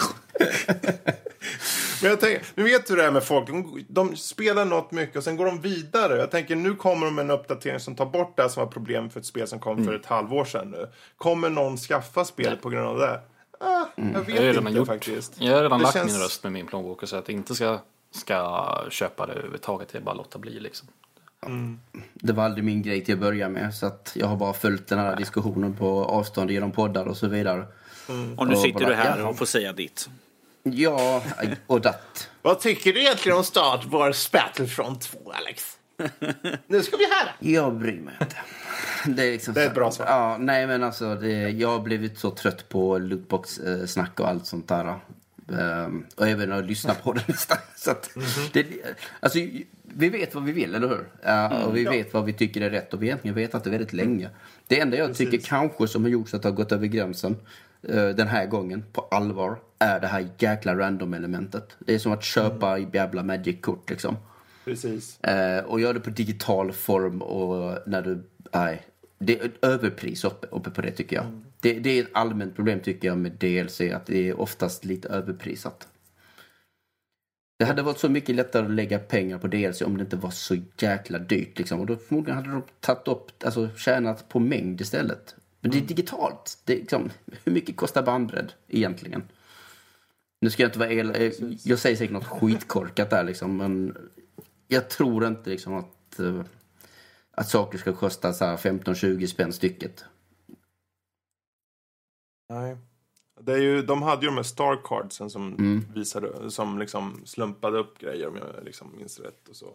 Men nu, och de fick kunde man ju köpa då. Nu kommer man inte kunna köpa dem alls. Utan man måste ju köra spelet och sen låsa upp dem via mycket gameplay då. Vad gjorde de här Star Cardsen? Ja, de kunde ge dig typ eh, boosts och de kunde kanske ge dig lite temporära vapen och grejer och så. Var det de här random-grejerna? Ja, Ja, typ. okej, okej, jag förstår. Så de är ju på sätt och vis fortfarande kvar. Men det är ju att du får ju dem genom att köra spelet istället Ja, de lekte dem. redan med sånt här i Mass Effect och så vidare väl? Yes. Multiplayer-elementen. Ja. Ja, alltså det tråkiga i det här, för jag recenserade det här spelet. I grund och botten så finns det någonting väldigt det finns någonting bra under ytan som vill komma ut. Men det var liksom, de bara, men vi smetar bajs på det här. Ja. Så. Men, Ja.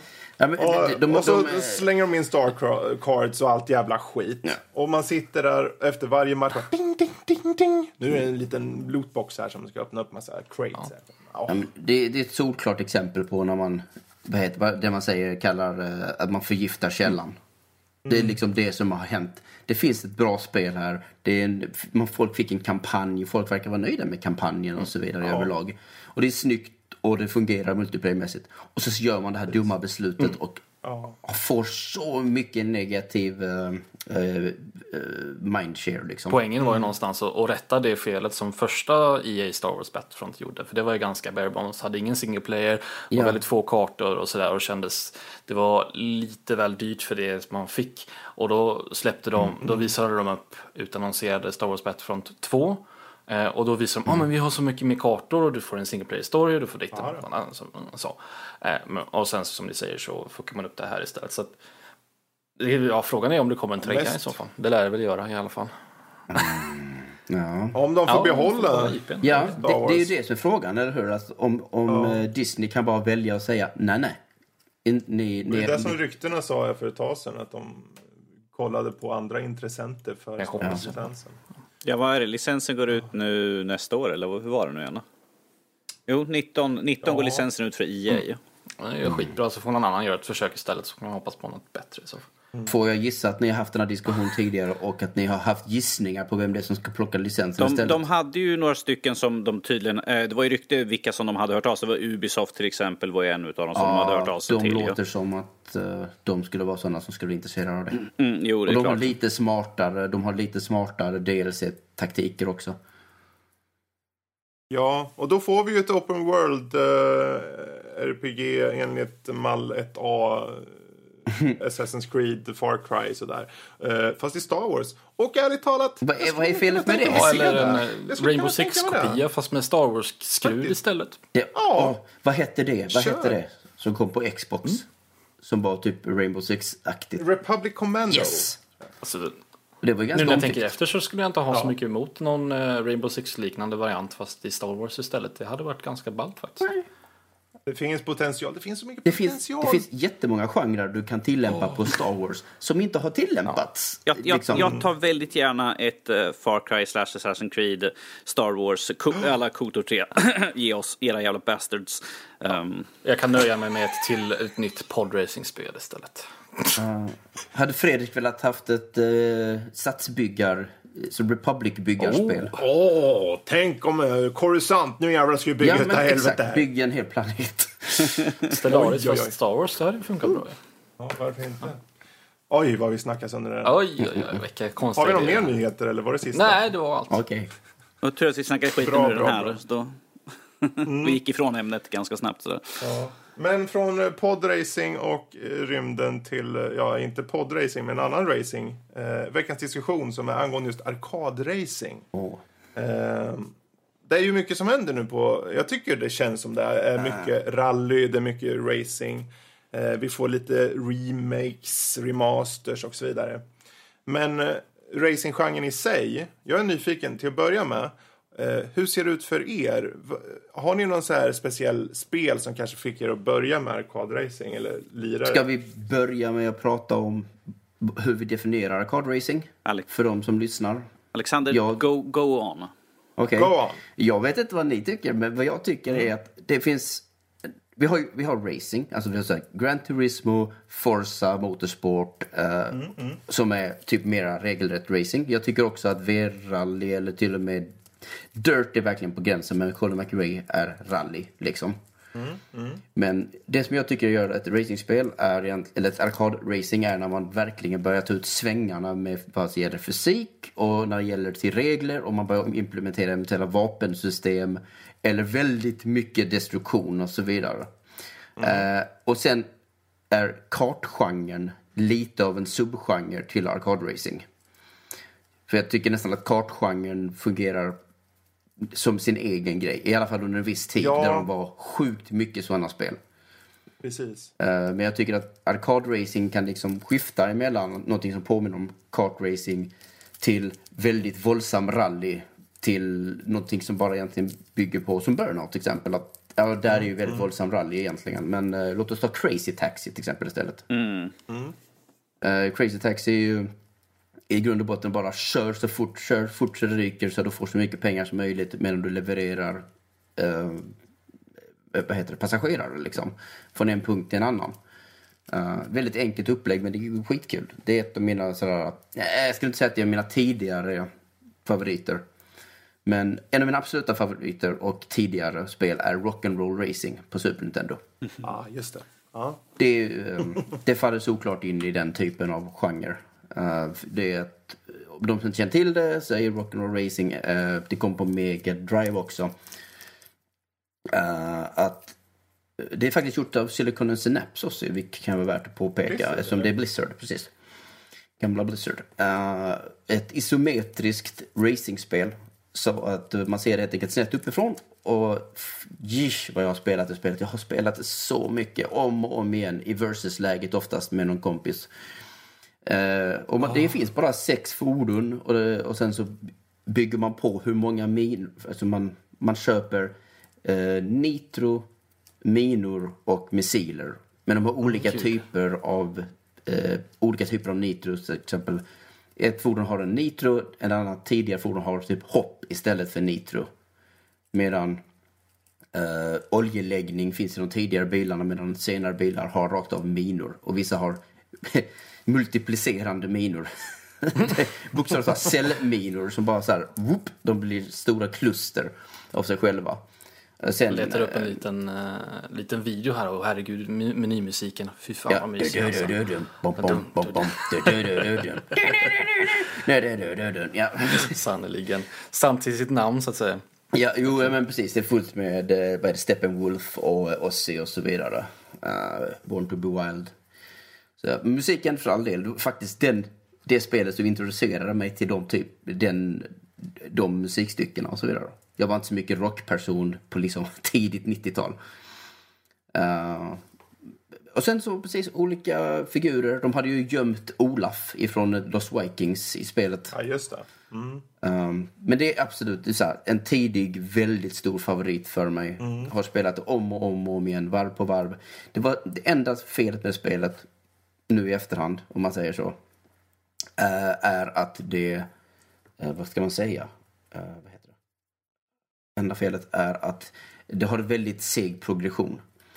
Eh, Man behövde få ihop en viss mängd poäng innan man kunde sen flyga till nästa planet. Och är man två så behövde bägge två ha poängen. Och så vidare. Så det var. Men det var ett kul spel och man kunde så vända på en femöring så man kunde bara vara långt före alla andra. Vända på en femöring 180 grader, skjuta missiler baklänges och sen svänga runt och så fortsätter man. Och sen om man ser om en kompis blir träffad på skärmen ovanför, för det är split screen, så är det väldigt, väldigt tillfredsställande. Eller bara skjuta en missil från ena sidan av skärmen om man ser vad han är ett halvt varv före. Eller för, om det har varit ett hopp eller någonting. Och så, så ser man den missilen komma på andra sidan banan och träffa någon. Som sagt, djupt tillfredsställande. Alltså arkadracing. jag- Det, väl det känns som att de flesta spel som jag började lira, när jag började, alltså när det var racingspel så var det någon typ av arkad. Det var ju inte många som var, för, för vi snackar typ Amiga eller liknande för min del. Uh, Supercars till Oh, exempel, yes! spel som fanns. It's a good one. Ehm, där kunde man ju göra lite av det där. Eh, och det var också så här, ja, man top-down liknande eh, spel. Det var bilar. väldigt mycket rock'n'roll racing, men som du säger, men det var helt uppifrån. Man såg det helt uppifrån. Uh, Och så hade det massa coola bilar och jättebra musik tyckte jag också i det. Det var lite passande. Men det, eh, just den här, för arkadracing, visst. Det, när det, arkadracing för mig är ju när det är någonting som inte försöker simulera verkligheten. Som att om du kan köra med den här bilen i 150 och studsa jäms med banan liksom, på kant på kant och du bara kommer vidare. Det kan också vara arkad. Eh, Och sen så har vi arkad som kan vara de här lekfulla, det som kan vara, ja, men nu, nu kör du genom en skyskrapa i, eh, vad heter det, Blur? Eller ja, Blur. Nej, nej, nej. Genom Eller var skyskrapan. det Split Split, Sec- second Ja. snackar de om. Split Second var det ja. Det var ett bra spel också. Och, ja, det var faktiskt bra. Uh, underskattat Det var spel. väldigt unikt. Det var väldigt, hade en, en unik idé, vilket var sjukt häftigt. Det kom nästan samtidigt som Blur. Och Ja. bägge två blev misslyckade försäljningsmässigt. Och efter det Ja, så det har är vi inte synd. riktigt sett arkadspelet. Nej, och jag tycker det är synd för det, det, den här lekfullheten som finns i det, eh, den gör så mycket. Nu i dagarna har ju förvisso, jag vet, man kan ju tvista om om det är ren arkad, men eh, Burnout Paradise Remastered släpptes i igår Ja. i inspelning, inspelande stund. Ehm, och eh, det är ju verkligen ett spel som, om du vill så kan du verkligen, ja men nu ska vi mosa skit här. Ja. Nu ska vi bara paja saker och få poäng. Och det är ju för mig också ren... Arkadbiten i, i många racingspel är ju ofta, som du nämnde, Ramon, att se raketen åka över skärmen och sen träffa någon annan. Just den här aspekten av att, ja, det är inte bara racing, det är någonting mer. Liksom. Nej, om du vill ha riktigt tillfredsställande arkadkänsla i Burnout också. Liksom. För Burnout, jag gillar Burnout 2 faktiskt. Eh, Men trean, Takedown, är ju såklart det som verkligen bara jäklar, nu är detta en serie jag räknar med riktigt hårt liksom. Men jag är också, många gillar inte traffic checking, men jag tycker att traffic checking är jäkligt kul i Revenge. Men är inte den när man ska förstöra så mycket som möjligt med en bil? Nej, nej, det är bara crash mode. När du Okej. bara flyger omkring och spränger allting som kommer i din väg. Det är ju knappt racing längre. det är bara för man springer och sen hoppar man och sen så bara Ja, exploderar allt. Åh, jag älskade det. Traffic checking är det som de eh, införde i Revenge. Är att man kan rakt av ramma bilar bakifrån så de bara flyger åt helvete. Vissa bilar är liksom, om de är lika stora som dig så kan du bara röja dem undan som om du hade en skyffel framför dig i princip. Det, det är ett coolt sätt att bara öka på Ja, kaosen. Men vissa tyckte inte om det för att det skapade ett mindre krav på att väja för trafiken. Men grejen var ju att de hade en högre densitet av trafik samtidigt. Mm. Och det fanns ju, du kunde fortfarande köra in i en lastbil eller i en van. Den flög liksom inte. Det var jätteroligt. Där. Ja, jag tyckte också det var jäkligt kul. Det var inget läge ens en gång, utan det var en del av spelet. Ja, det var liksom som att eh, helt plötsligt, nu är det där läget, så kör du liksom bara. Ja, men, som sagt, jag älskar Burnout. Burnout är freaking awesome. Uh, och jag saknar den serien så mycket. Uh, så jag, jag hoppas ju att remaster-grejen är... Alltså jag tror rent av att kanske att EA är lite rädda för Need for Speed. Alltså vad som håller på att hända Ja. med det varumärket också. Vad fan har EA kvar snart för de inte har bränt broarna på snart? Och att de nu testar, ja men Burnout. Vi, vi ser om det där spelet som vi bara slutade att göra av utan någon större Ja, anledning. alltså det, skälet är ju där Criterion Games som gjorde Burnout, de gick ju till Need for Speed. De har ju gjort ja, Need ja, for blev ju Speed nu Ghost i många år. i princip. Liksom. Ja. Eh, och sen har vi Alex Ward som har lämnat och skapat det här uh, uh, Entertainment, uh, High Voltage, uh, jag kommer inte ihåg vad de heter. Men uh, de gjorde det här konstiga, i princip spelet bara är Crash Mode. Aha. Och sen gjorde de Wreck- ett- Wreckfest? Vad sa du? Nej. Det finns ju en som heter Wr- Wreckfest. Nej, det är inte jag det, blandar tror ihop jag. det med, det är Bugbears. Ja, nej inte Bug Bugbear är ju Flatout-gänget. Ja, de- de hade Flatout 1 och 2. Sen så Jaha, är de kickade. Så de har gjort ett eget som var Early Access som heter Wreckfest. Som bara, Mm. Alltså Wreck som W-R-E-C-K. Och det går ju bara ut på att förstöra bilar. Ja, men vänta. Destruction. Vänta, ja, ja. Eh, jag tror inte det hette Wreck. Hette det någonting annat på Early Access eller någonting sånt? Jag vet vad du Ingen menar. För det är det som hade sån här stor jäkla konstig demobana. Det var, var en Ja. vit miljö och man bara åkte omkring och dummade sig. Precis. Jag tror inte det Det hette... hade ett längre namn hade det förut. Ja. Det hade Wreckfest, kolon, semikolon, någonting, någonting. Ditten och datten.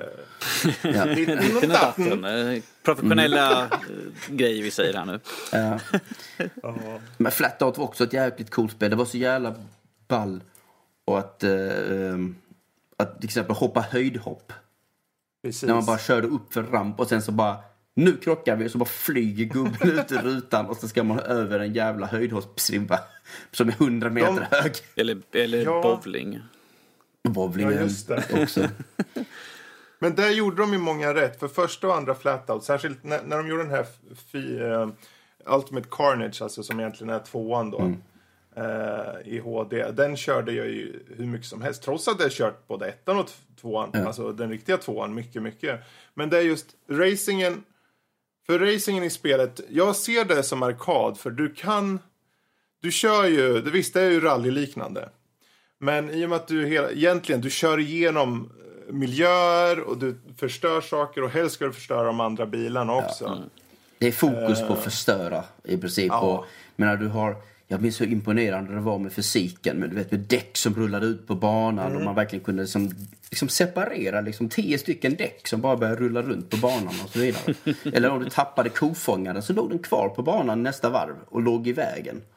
Precis. Um, att ha sånt, mm. liksom, sånt uh, minne var, mm. var alltid imponerande för mig på den tiden. Det var liksom så här Därför var alltid Doom coolare för att vet, kropparna låg kvar till skillnad från Goldeneye där de försvann puff, direkt liksom. Mm. Väldigt otillfredsställande. Ja. Men eh, nu har vi bubblat på. Eh, Kalle och Danny. om ni skulle kolla på arkadracing-spel, typ, finns det någon eh, klassiker ni känner poppa fram ur sin... Burnout är ju ett ypperligt exempel för det har man ju nötat äh, många timmar i. Både Burnout 3 Takedown och sen då Burnout Revenge. Mm. Både på äh, Xbox och då Xbox 360 när det begav sig. Mm. Ähm, och sen så här spel, nu minns jag inte så mycket speciellt mycket om det så kan jag inte berätta så mycket om det. Men jag hade också något äh, spel i liknande genre som hette Crash and Burn hette det. Mm. Och det var också sånt där bara mosa bilar i, mm. i oändlighet. Um, men nu vet jag inte riktigt om det här spelet som jag ska ta upp nu räknas som arkadracing Det ska kanske. vi avgöra. Ja, mm. och det heter Insane. Stavas med en etta. Ja, det är Insane. Ja, ja. ja. Mm. Du åker ju stora vidder och bara... Det är, mycket, ja. det är ju ett uh, multiplayer-spel va? Precis, det nötade oerhört mycket. För farsan han hade ju ratt och pedaler och hela, hela faderullan där någon gång mm. eh, vid 00. Eh, och så det är väl någonstans mitt emellan. Det är väl ganska realistiskt men ändå inte med tanke på hur man eh, mosar varandra och man kan mm. köra bilar från de stora höjder och grejer och de funkar fortfarande. Så det är väl lite, lite på, på gränsen där någonstans. Mm. Uh, men det har jag spelat oerhört mycket. Eh, just det, det, där, det, var lite av en underdog när det kom, för det var Codemaster som släppte det. Mm, jag kommer ihåg innan det kom, till, vänta det är Codemaster som släppte ett spel som inte är ett rally. Mm. Eller ja, rally som Colin är. Det här var ju offroad också, men det var mer så här så stort fokus på bara åk till nästa flagga. Nu är det där borta, nu är det där borta, nu är det där borta. Och man bara, åh, nu, jag knuffar, nu knuffar jag ner Danny ner för en ravin här. Som, van, bara, som vanligt. Ah, yeah. Jag är van. och det, liksom, det, det, var, det var riktigt nice. Tips, kör inte tvåan. Nej.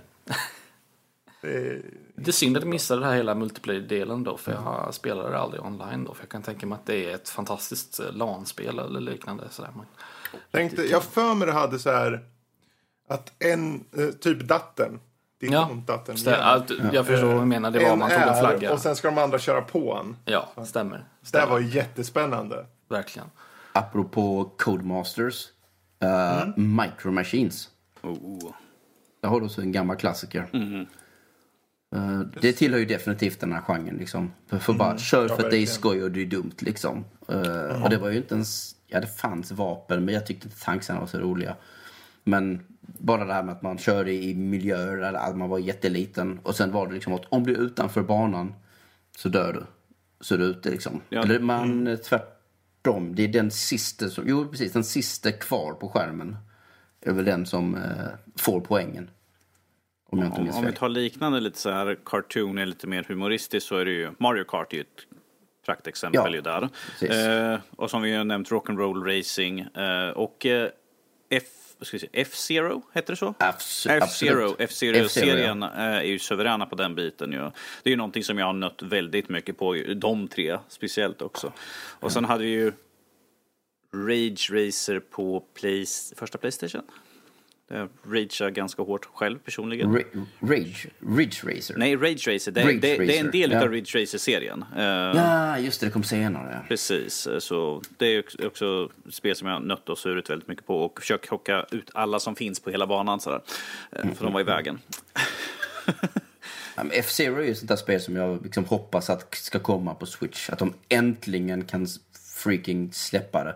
Mm. För nu har du haft liksom gästspel i Mario Kart till och med. Mm. Det, de, kom igen. Det är inte så svårt, det är bara ut med det. Nej, det är inte så svårt. Nej, men alltså det är ju faktiskt ingen som har gjort någonting sen liksom Sega gjorde det på GameCube. Mm. Så att det är ju fan 15 år sedan vid det här laget. Uh, om jag förstått rätt så har väl Miyamoto uttryckt sig att han, ja ah, jag vill inte, jag vet inte, det är ganska likt Mario Kart. Så att uh, de, de har inget existensberättigande bägge två känns det som, enligt honom. Men jag var så, de är skitolika! De funkar helt olika. Släpp det! Ja, jo, precis. Det, jag menar, det finns säkert massor som skulle vilja ha det tillbaka igen, så why not? Ja. Jag har alltid föredragit F-Zero framför Wipeout till exempel. Just på grund av tempot. Eh, jag var aldrig ett stort fan av Super Nintendo-spelet men när X kom på N64 så var det bara Jesus, hur är det möjligt att det kan vara så här bra flyt och så här mycket tempo liksom. Det var ett otroligt imponerande spel för sin tid. Det, är faktiskt, det fyller faktiskt 20 år, Åh gud, nu i november. känner mig ännu äldre. Nej, nej, F-Zero X. Ah, Okej. Det kom 98. Men jag funderar nu, jag sitter och funderar för jag, jag körde ju, um, jag vet inte om man räknar det som arkad alls, men det, var, eh, det är ju Driver. Och varför, jag, jag vet vad ni tänker nu, det är ju ett eh, story och det är mer riktigt för man kör ju riktiga bilar i, i San Francisco. Kan man gå ut ur bilen? Men- Inte i ettan, ettan va? va? Nej. Nej, Nej, men trean så kan trean man kunde man det. Ehm, men eh, det, det som, jag tycker om det här när det är tunga biljävlar och man ser dem s- svaja i hela bilen så här typ. Och det flyger navkapslar och skit. och, och man bara, ja, nu känns det här. Och så kör man bara in i saker och det går sönder och man åker vidare och så- klarar sig. I ettan så räcker det med att man tar en skarp kurva så flyger navkapseln av. Så det måste vara väldigt dåligt påskruvat måste säga. Just det, de känns nästan som att de ska falla sönder bara genom att de svajar lite för mycket. Ja. Destruction Derby hade väl lite det problemet också kändes det som Ja, ibland. just det. Ehm, Där har vi ju verkligen en klassisk serie också känner jag. Mm. Destruction Derby. Som aldrig riktigt lyfte, helt ärligt. Det kändes alltid som att det var så riktigt hypat, riktigt omtalat på originalet. Liksom första spelet på Playstation, Mm. liksom release-spel. Och sen så det lyfte aldrig riktigt. Och sen kom det uppföljare men de blev inte omsnackade och sen så dog serien. Jag tror konceptuellt är det lite för eh, enkelt. Det är ju bara, liksom- alltså grundsaken är ju bara att ha det här derbyt på Ja. en arena. Ja, jag- jag- och det kanske inte räckte för folk. Jag blev vet mycket mer kär i Twisted Metal till exempel. Som jag inte räknar till arkadracing dock eftersom det är mera metallknycklar bilgenren. Men jag vet inte vad. Hur- Det, det, ja, men det är ju så liksom. Det är ju ett mer ett fightingspel med bilar snarare. hur, hur står ni till Trackmania då? Trackmania. Jag har ganska lite erfarenhet av den Det serien. är ju, det är ju, det är ju superarkad. Mm. Ja, det, är, absolut. Ja, för det är ju... Till att börja med, de flesta, som de gamla goda arkadspelen. Jag tänker Screamer till exempel och så. Var, du jagade ju hela tiden high score-listor i tid. Eh, Du får den bästa tiden och i vissa fall kan du förstöra miljöer och skjuta saker och så också. Men de flesta spel, liksom arkad ser jag, det, då, då, då jagar du en tid. Det gör inte så mycket om du vinner, kanske, det är kanske inte ens några du kör mot. Men i Trackmania verkligen, där är det, du ska få den bästa tiden. Och det är millisekunder Och där. jag, jag bara- har sett dig bli tokig på banor Fredriksson när du har kört det. Alltså man kör ju tills man tar tiden, alltså, så är det. Och de, det är velodromer och de åker upp och ner. Du åker ja, hur som helst. Alltså senaste Trackmania 2, eh, vad den nu heter, Turbo heter den. Trackmania Turbo. Den var ju riktigt bra. Eh, väldigt utmanande i slutet, för det är ju, alltså vi snackar millisekunder. För, du måste få varenda krök perfekt liksom. Där betyder 60 bilder per sekund allting i det spelet också. Det är Ja, så jäkla... ja. Att det går så smidigt och flödande liksom. Ja. Men det är ju, ja det är bra grejer alltså. Det är en av de, men just, fast det är klart. Jag kommer ihåg när, när första Trackmania kom. Eh, jag för mig att det var, inte som shareware, men det var någon form av demo först de släppte. Eh, och då var editorn med. Tror fan att man inte satt där och gjorde ett par banor med de här skruttiga bilarna som man hade i första spelet. Men ändå bara, ja. Och så gör man, nu gör vi en trippelloop här och sen så är det så här supersnabbt eh, fält och sen så flyger den ut rakt in i ett berg. Dessutom. Man bara, okej. För man kunde ju, du behövde inte ha slut på banan riktigt så här. Du kunde ha slut, du måste ju sätta ut det någonstans. Men du kunde ha det bara på en gräsåker någonstans. Och så fick du hitta din egen väg. Eh, You're so bara evil. köra bästa tid. Ja, Slänga ut det så någon annan bara, vad fan är det för någon bana han har gjort den här jäveln? Vem har spelat Motorstorm? Eh, Det är på PS3. Ja, va? det var Sony exklusivt. Ja, då är det lite svårt. Aldrig. Inte. Jag kört det på Game för många år sedan. en kvart. Uh, jag tyckte alltid att det spelet hade jättestor potential. Liksom så här, mm. Det såg coolt ut i första spelet. Sen var det bara, nej det är ganska svårt att krocka och hålla på liksom. Det är inte så jäkla lätt. Mm. Tvåan, lite bättre. Sen tyckte jag faktiskt om trean riktigt mycket, Apocalypse. För då införde ja. de, men det är inte så mycket för... Nu, nu sprängs huvudet här. Finns det tre stycken Motorstorm? Det finns på PSP också. Jaha. Um, som hette, vad hette det, någonting med uh, Arctic någonting här för mig.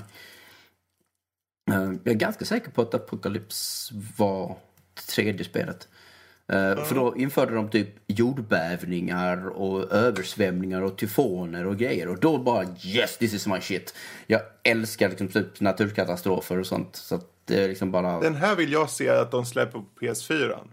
Ja, det här vore ju perfekt att ta tillbaka. Ja, men det var, det var ett kul spel. Just för att det bara... Överlag så handlar det ju om att, för att du har inga direkta specialförmågor med din bil. Du, jo, du har nitro i den serien har jag för mig. Och om du mm. överanvänder nitro så sprängs du. så man måste vara försiktig. Intressant. Kör fort, men, men väldigt försiktigt. Ja, väldigt försiktigt. Sen tror jag att det, det är Cambridge-studion från Sony som har lagt ner. För att de Evolution Aha. finns ju inte längre typ. Och de tror jag att det är rätt mycket folk ifrån den studion som nu jobbar på Onrush. Mm. Hos Codemasters. Ah.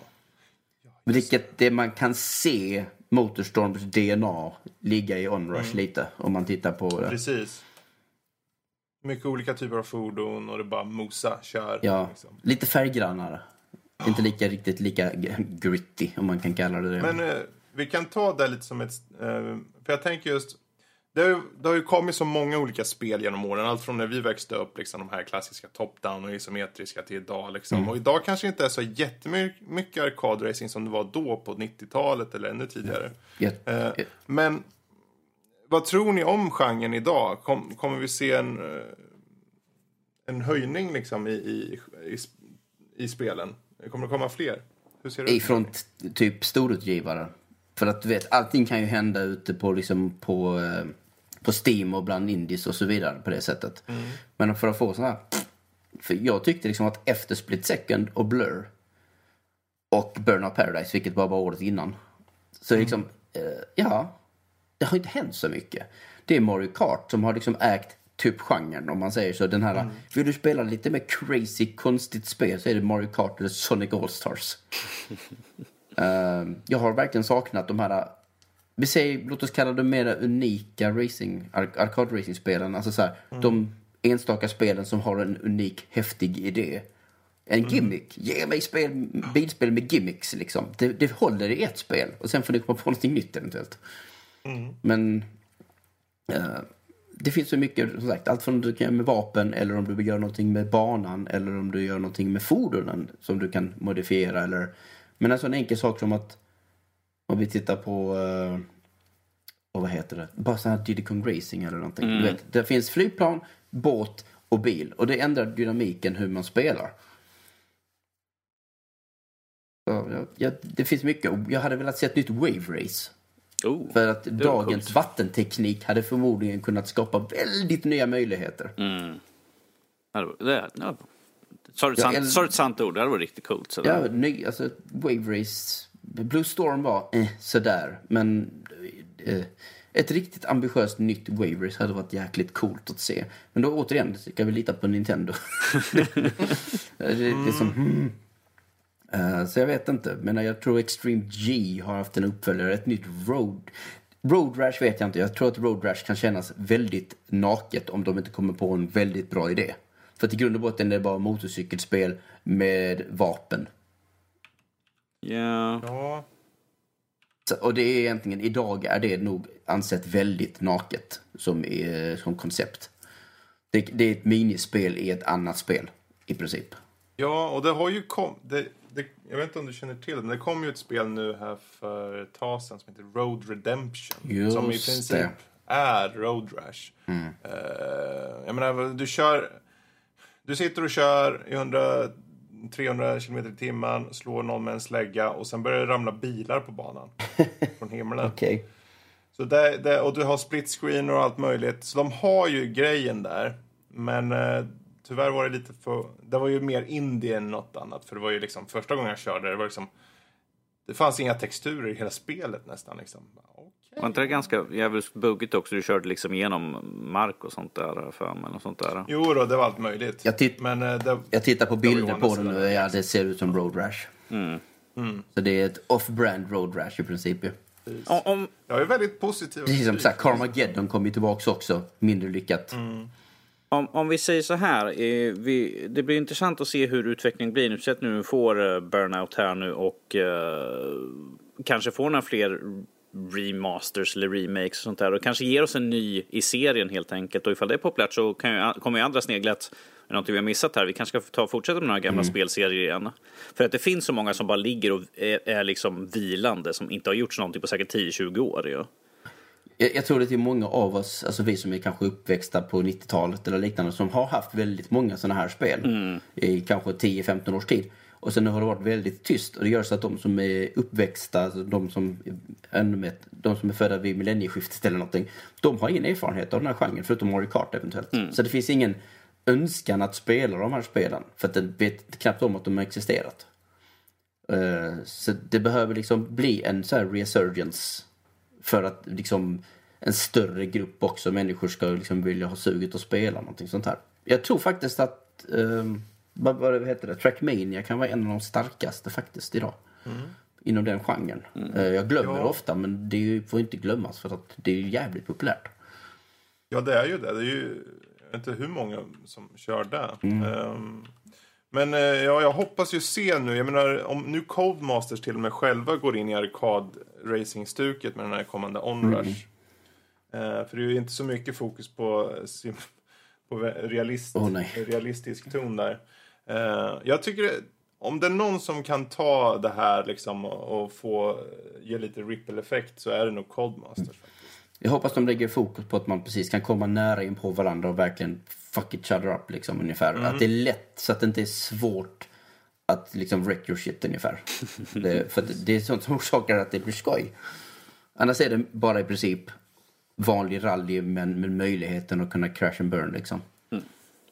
Jag tycker det ska vara liksom, det ska vara kärnan i spelet snarare. Även om man såklart vill ha tempo och åka men det ska finnas en, en överhängande fara liksom. Det ska gå snabbt och man ska kunna fucka upp alla som finns i ens närhet.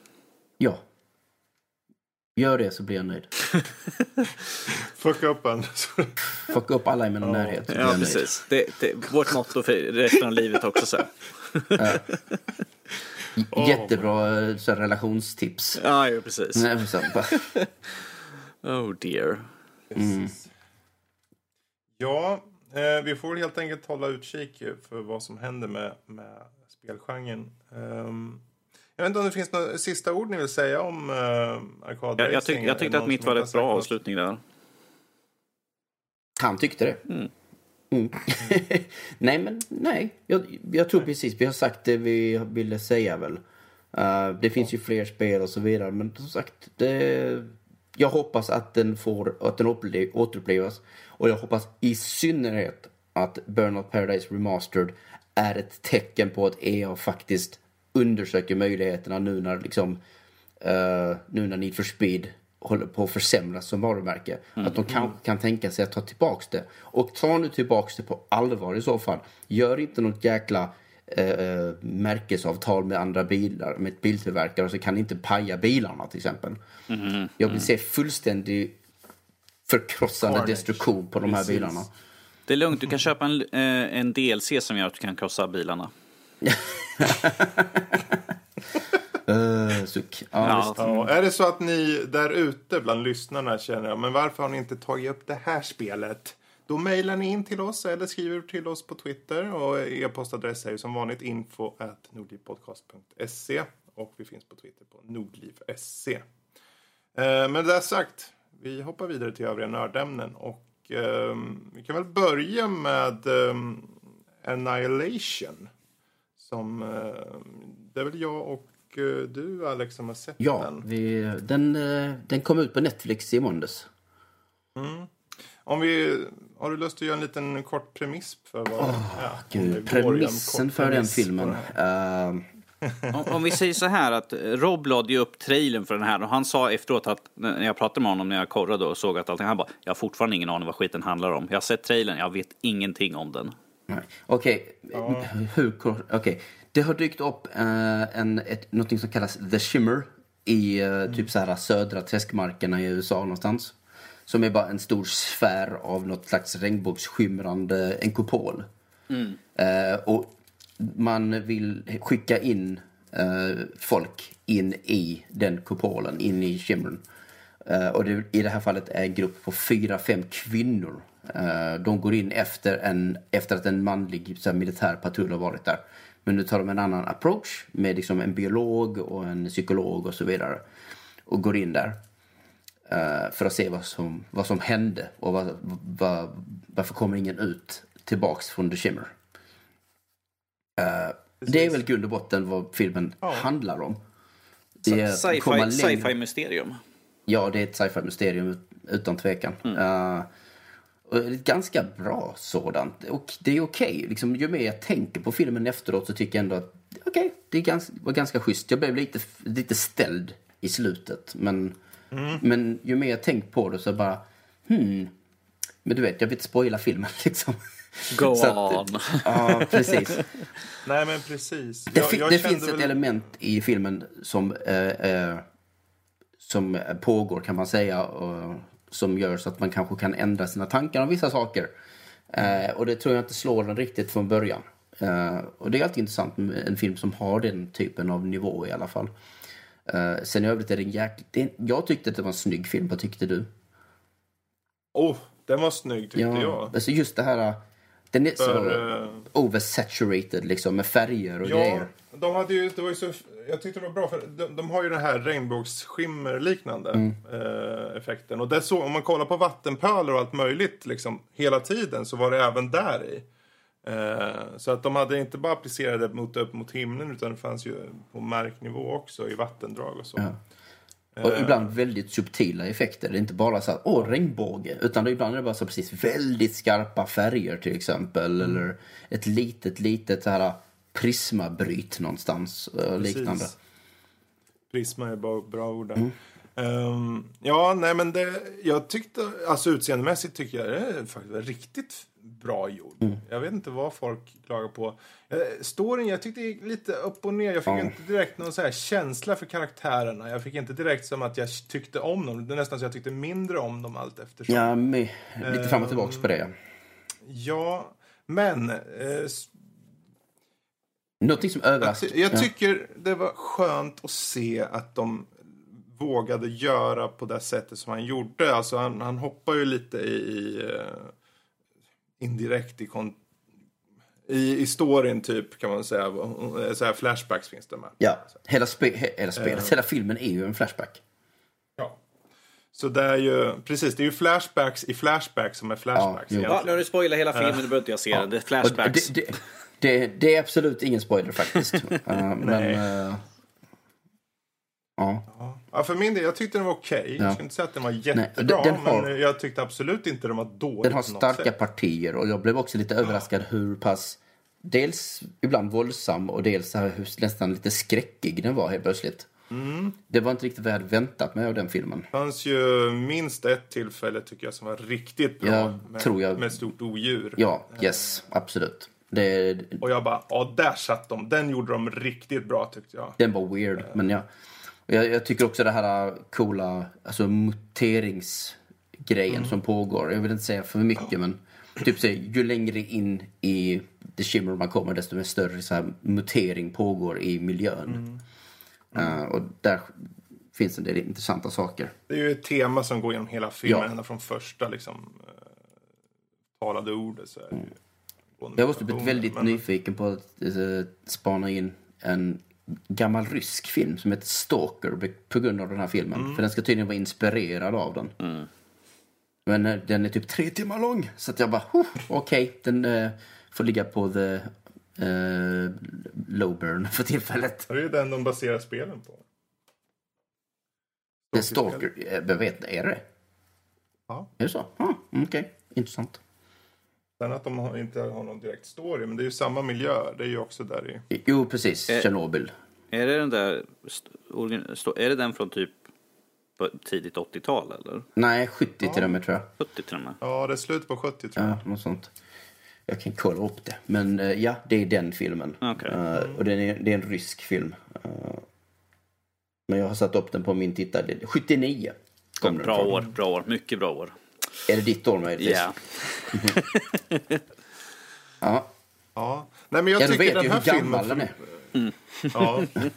Den här filmen är ju faktiskt, jag tycker det är definitivt en, en film man ska se för att eh, den kommer, eh, oavsett vad du tycker om storyn kanske så, så är det frågor, det är saker som dyker upp, inte bara det visuella som i sig tycker jag finns värt att prata om faktiskt på många aspekter, men också just eh, lite frågor som tar upp och så, tycker jag. Det, det, jag tycker det är intressant och precis som du så satt jag också lite i efterhand. bara, Hmm. Eh, Jag vill också säga, utan att spoila, men det, någonting som sker i slutet av filmen och ljudbilden som uppstår i det läget. Det är också så här, vad fan gör den filmen just nu? Men det var ganska coolt och det var ganska effektfullt. Uh, Jag vill säga vad det är. ja, men nej, låta bli. Den är bara en, gam, en vecka gammal. Men som sagt, det finns på Netflix. Så tar du Netflix-konto så för all del se den. den. Jag skulle väl säga att det är värt din, dina två timmar liksom.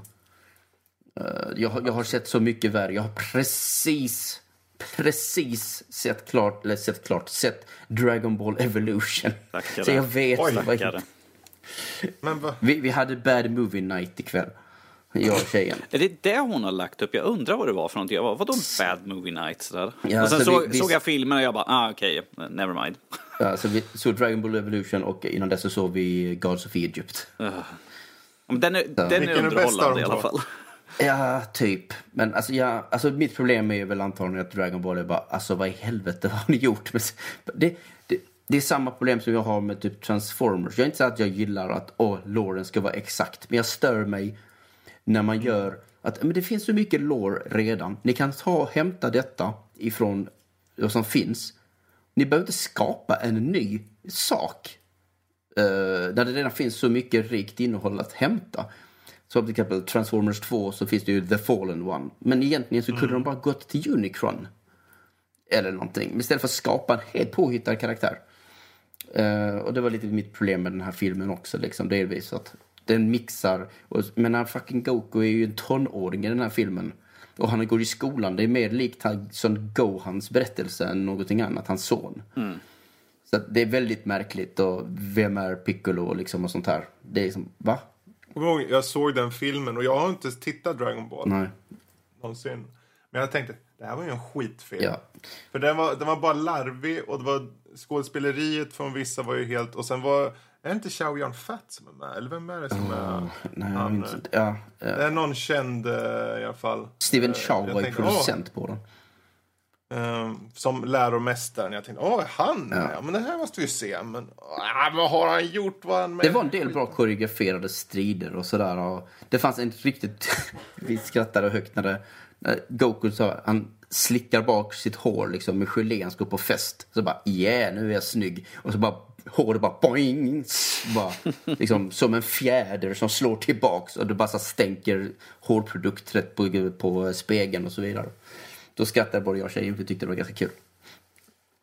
Men nu, nu går vi från ämnet Ja, här. absolut. Annihilation. eh, annihilation, annihilation. Annihilation. Se den, för all del. Ja. Ehm, vi kan väl hoppa till... eh, kolla lite i gravar här, norskis. Tomb Raider. Yes. Oh, just Vi det. gick och såg den igår.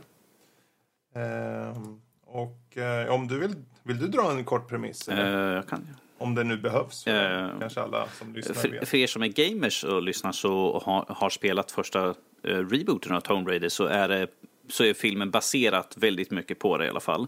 Lite ändringar såklart. Eh, Lara eh, är på jakt efter... Och i, I den här så är det att hennes far är försvunnen. Men att hon följer hans eh, bok för att kunna hitta vart han har tagit väg. Och det är såklart kommer de ut till ön eh, Yamatai som är med i spelet också. Oj, det är exakt samma. Det är exakt Okej. samma. Där han, hennes far var där för att leta efter uh, oh, Himito eller Himo, Himo- Himiko, Himiko. eh, första drottningen i eh, Japan, Japan. som var där också, precis som i spelet. Eh, och hon, hon, det är där spel, eh, spelet tänkte jag säga. Fil, filmen handlar om att hon ska dit för att leta vart hennes far har tagit vägen. Men såklart finns det ju bad guys där. Och sen fortsätter det i vanlig ordning med att eh, ond, bråd död och slagsmål och eh, mycket grejer plockade från filmen.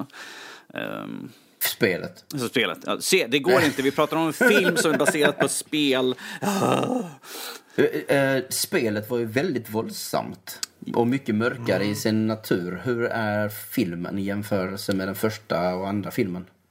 Uh, första ja, de, den första och andra filmen med Angelina Jolie ja, var ju aha. ganska lättsamma. Den, lite den här, den, om vi säger så här, den, den, den här filmen är, är som natt och dag emellan. Eh, Medan eh, de första var liksom väldigt fjompfilmer så har den här lite mer seriösare ton skulle jag säga då. Och den följer mm. mer till spelet då. Eh, så klart mycket, jag säger att se den här istället för de två andra filmerna som att, att vi kan glömma okay. bort. Eh, helt enkelt. Um, är Vikanders roll bra, övertygande?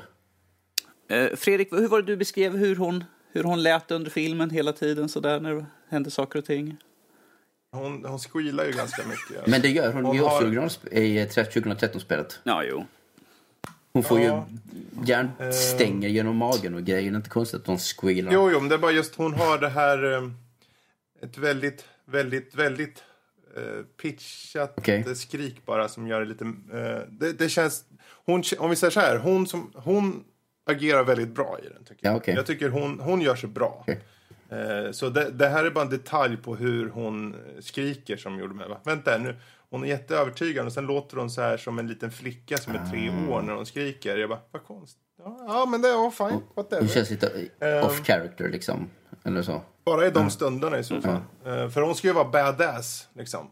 Fast är hon det från början? För att 2013-spelet så är hon, hon ju inte... Hon ska ju bli badass. Hon ska ju hon bli, bli badass. badass. Hon blir ju lite om, badass. Om vi säger så här att i början av filmen så är hon liksom cykelbud. Och okay. det är det hon gör. Uh, hennes far har varit försvunnen i sju år och uh, hon har egentligen pengar men hon vägrar skriva på liksom att, han, uh, att han ska räknas som död. det är där som hon har inga pengar, hon har ingen mansion mm. eller något sånt där från start. Ah, okay. ja. Så hon, hon, bli, hon blir ju där precis som i spel så blir det liksom en progression. Fast jag tyckte det gick väldigt snabbt när hon väl kommer till den biten att hon måste göra någonting. Ja. Är det en två timmars film? Inte... En 57 lång. Ja, det är det. Ja. Precis. Alltså det är klart, de har ju inte så mycket tid. Men i ett spel kan man ta åtta timmar innan man kommer in dit och hon långsamt men säkert blir mosad mot det ena och andra liksom, elementet i miljöerna. Men här så, de var tvungna att liksom få henne eh, bli lite tuff på, eh, relativt snabbt där i den miljön. Men eh, jag tycker filmen i sig, som en...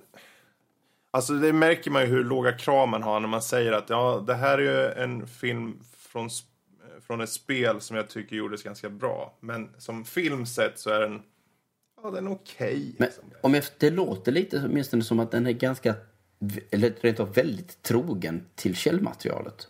De har, de, de, har ju väl, de har ju väldigt mycket mm. av tropesen från spelet. De, eh, till exempel, de har ju slängt in sådana små grejer som till exempel eh, Det finns ett flygplan som sitter över ett vattenfall och så bryts en halva vingen av och sen ah, ja. hon bara, åh nej, mm. måste jag upp och klättra. Precis som man gör i spel. Och det är sådana saker de slänger in. Eh, mm. eh, I spelet så får hon ju ett järnrör eh, som spetsar henne igenom.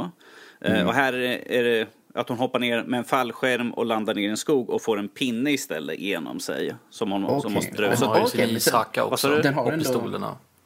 Vad sa du? Den har ändå... Ja, vad sa du Carl? Ja, hon har ju sin ishacka hon också. Ja, eh, hon har den några och gånger. Och pistolerna precis. också är ju från, yes. från Nej. eller ja, modellen av pistoler är från, eh, inte från eh, reboot-spelen men i alla fall från originalspelen. Mm. Nej men då har du ju den nivån yeah. av ändå de, de, våldsamhet Både ja och, nej. Uh, de här pistolerna kan du då glömma. Mm -hmm. De finns som en cameo snarare. Mm. -hmm. um, kan jag väl spoila på det sättet. Jag vill inte säga något egentligen. Men alltså problemet tycker jag filmen har att den, den, den är sjukt förutsägbar. Okay. Uh, inte bara i karaktärerna, hur de är och så. Utan i storyn överlag. Det finns några twister. Mer som att du antar en sak men den visar sig vara... Eh, den är fortfarande likadan fast på ett litet annat sätt bara. Sådär. Eh, säga utan att säga för mycket. Mm. Eh, Så du får egentligen vad du redan tror att det kommer vara, ja. Men det är en liten, liten, liten mini-twist på det. Men det, i slutändan så är det samma liksom avslut egentligen som du kan anta att det skulle vara. Eh, du ser vissa karaktärer och du vet okej, okay, det här kommer hända med den karaktären. Och du kanske inte får se någonting i bild och du vet om det kommer betyda det här och det här. Så det finns det är väldigt mycket som på en gång du kan se, okej, okay, det här, jag vet vad det är och det kommer de flesta ta. Men eh, som eh, actionfilm och framförallt som Lara Croft, jag tycker hon porträtterar henne bra faktiskt. Och det är ju så upplagt för en uppföljare så jag hoppas faktiskt det går bra för den här. Eh, den är lite, jag tyckte den var lite svag, men okej. Okay. Uh, och jag tror att uh, om de gör en andra del så kan de våga ta i lite mer. För de var lite för... Safe? Uh, lite för safe. Hela filmen är safe, okay. helt enkelt. och den är ju uppenbarligen PG-13, så är, även om den mm, är lite okay. tuffare än, än original, de två första, mm. så är den ju fortfarande inte jätteblodig direkt. Okay. Nej, och medan spelet har gått fullständigt R-rating i princip. Mm, precis. Ja. Vi, vi sa det, vi sa det Men, på äh... vägen när vi åkte hem, hemåt sådär. Jag bara, det är perfekt nu, nu har vi fått utannonserat en tre. Nu blir det en trilogi i filmer också. Nu tar de liksom tvåan och gör till film. Så nu trean kommer i höst, då kan de göra den sen efteråt ju. mm. Ja, ja, men jag hoppas att de gör. För jag tycker det är kul för att se Alicia. Hon gör rollen bra. De har överlag bra, de, alla skådisar är bra. Är de. De gör på vad de har så gör de bra. Jag liksom. menar, Walter Goggins så. spelar ju en av skurkarna. Så han, han spelar ju alltid ja. creep och sånt där. Men jag tycker han gör, han gör bra. Det är det man förväntar sig av att han ska göra egentligen ju. Ja, det är ju lite ett problem också att välja han. Att man vet ju, men han är ju, det, han kan ju inte vara något annat än bad guy och det är han ju mycket riktigt. Um, så, men um, ja, jag tycker i alla fall, man, jag vet inte om man ska se den på bio. Uh, för att hjälpa och få en till uppföljare så jag gör det för all del. Annars kan ni vänta och se den hemma. Mm. Okay. Jag vet inte om du vill addera något mer? Uh, I talande stund har han dragit in 55 miljoner av en budget på 94 mm. så att uh, mm. den, den puttrar på sakta men säkert. Är det, är det worldwide eller är det, det box office? Det är worldwide. Då. Okay. Och den släpptes ju igår så... Ja, ja men det, det är kul. Vi hoppas det tuffar på mm. där var lite kul. Jag tycker mig jag såg att de har valt, i många scener så har de valt en, till och med på det visuella, eh, en, eh, en framtung, alltså just bild och eh, så här ljussättning som spelet. Första Tomb Raider-spelet. Så här blått och svart var det på många scener som var precis som i spelet. Liksom. Jag bara, ah, kolla det där. Ja, sweet. Så de har ju i alla fall haft med en del av tankarna bakom spelen, även i det visuella. Mm. Vilket jag uppskattar. Bra, men um, med det sagt, vi kan väl ta och kolla lite snabbt. Vad är Food Wars? Ja, okej. Okay. Vi, vi på det. Ja, precis, jag har varit på en liten anime-spree på sistone. Jag ser mm. allt från uh, Full Metal Alchemist Brotherhood till One Punch Man oh. uh, och A Silent Voice som en amazing film. Se den, säger jag. Uh, det är ett drama i princip. Men mm. väldigt, väldigt, väldigt bra. Food Wars däremot var den som verkligen som jag gillade väldigt, väldigt mycket. Eh, I grund och botten är den shonen, så att typ som Dragon Balls eller Naruto eller Bleach. Mm, mm. Så, men istället för att ni har en massa karaktärer som eh, står och skriker och blir starkare och skryter om hur bra deras tekniker är eller ska förklara i tio minuter om varför en teknik funkade. Så har ni nu en massa människor som förklarar varför mat smakar så jävla bra. uh, det, det, är precis så dumt som det låter, men det är kul. Uh, som sagt, om det är så att man gillar mat, alltså om man tycker om till exempel att följa Masterchef eller någonting sånt liknande. Uh, då är det en jäkligt rolig serie. Uh, mm. Dels är den, jag tycker den är uh, välanimerad, den, är, liksom, den ser bra ut, i bra karaktärer det är väldigt mycket fokus på Soma som är huvudkaraktären i början av serien. Men jag har hört att det ska utvecklas liksom och då, i slutet av första säsongen, som är det jag ser klart, så eh, har de det så här, introducerat fler liksom. Men precis också så här som att du vet, någon har expertis inom eld eller är bäst på eh, liksom fysisk fighting eller vet, skugg, fightas med skuggor eller insekter eller whatever som finns nu, liksom sand. Så är det liksom att jag är expert, jag är expert på fermentering, jag har medicinsk kunskap eller jag eh, och vad har de mera för någonting? Uh, rökning, alltså smoking på mat liksom. Eller liksom någon som har så fantastiskt luktsinne så att han är expert på curry. och sådana grejer. Det låter ju väldigt annorlunda. Ja, den är väldigt annorlunda. Men som sagt, de, de eh, visar mat på ett sjukt attraktivt sätt. Man bara så Åh, jag vill laga det här liksom. Uh, och, de, och det är överdrivet och det är så precis som det här med att de förklarar liksom varför varför liksom så är en teknik till exempel på ett visst sätt men nu applicerat på mat istället. Det är liksom en, en hög fetischistisk nivå på det liksom. Eh, och nog med det så är det dessutom att jag gillar också när de, vissa när de äter maten och får de här reaktionerna. Att de börjar tänka, man ser in i deras huvud liksom, hur de känner och upplever det. Som att oj, det här var som att bli eh, kittlad av en massa änglavingar liksom. Och, eh, eller Ja, det är jättekonstigt. Eh, det enda som, var lite, som är lite awkward i den här serien är att den har lite så här edgy element. Så att mm. liksom folk blir, får ett kåtslag när de äter mat. Liksom, för att det är så jävla gott. Så, it's weird. Men jag vet inte. Om man klarar liksom så här märkliga anime tropes och sådana här saker. Så tyckte jag att den här var sjukt underhållande då. Och i synnerhet då om man gillar matlagning. Um, bara för att det, det, är kul att höra någonting beskrivas med så mycket omsorg, så mycket kärlek.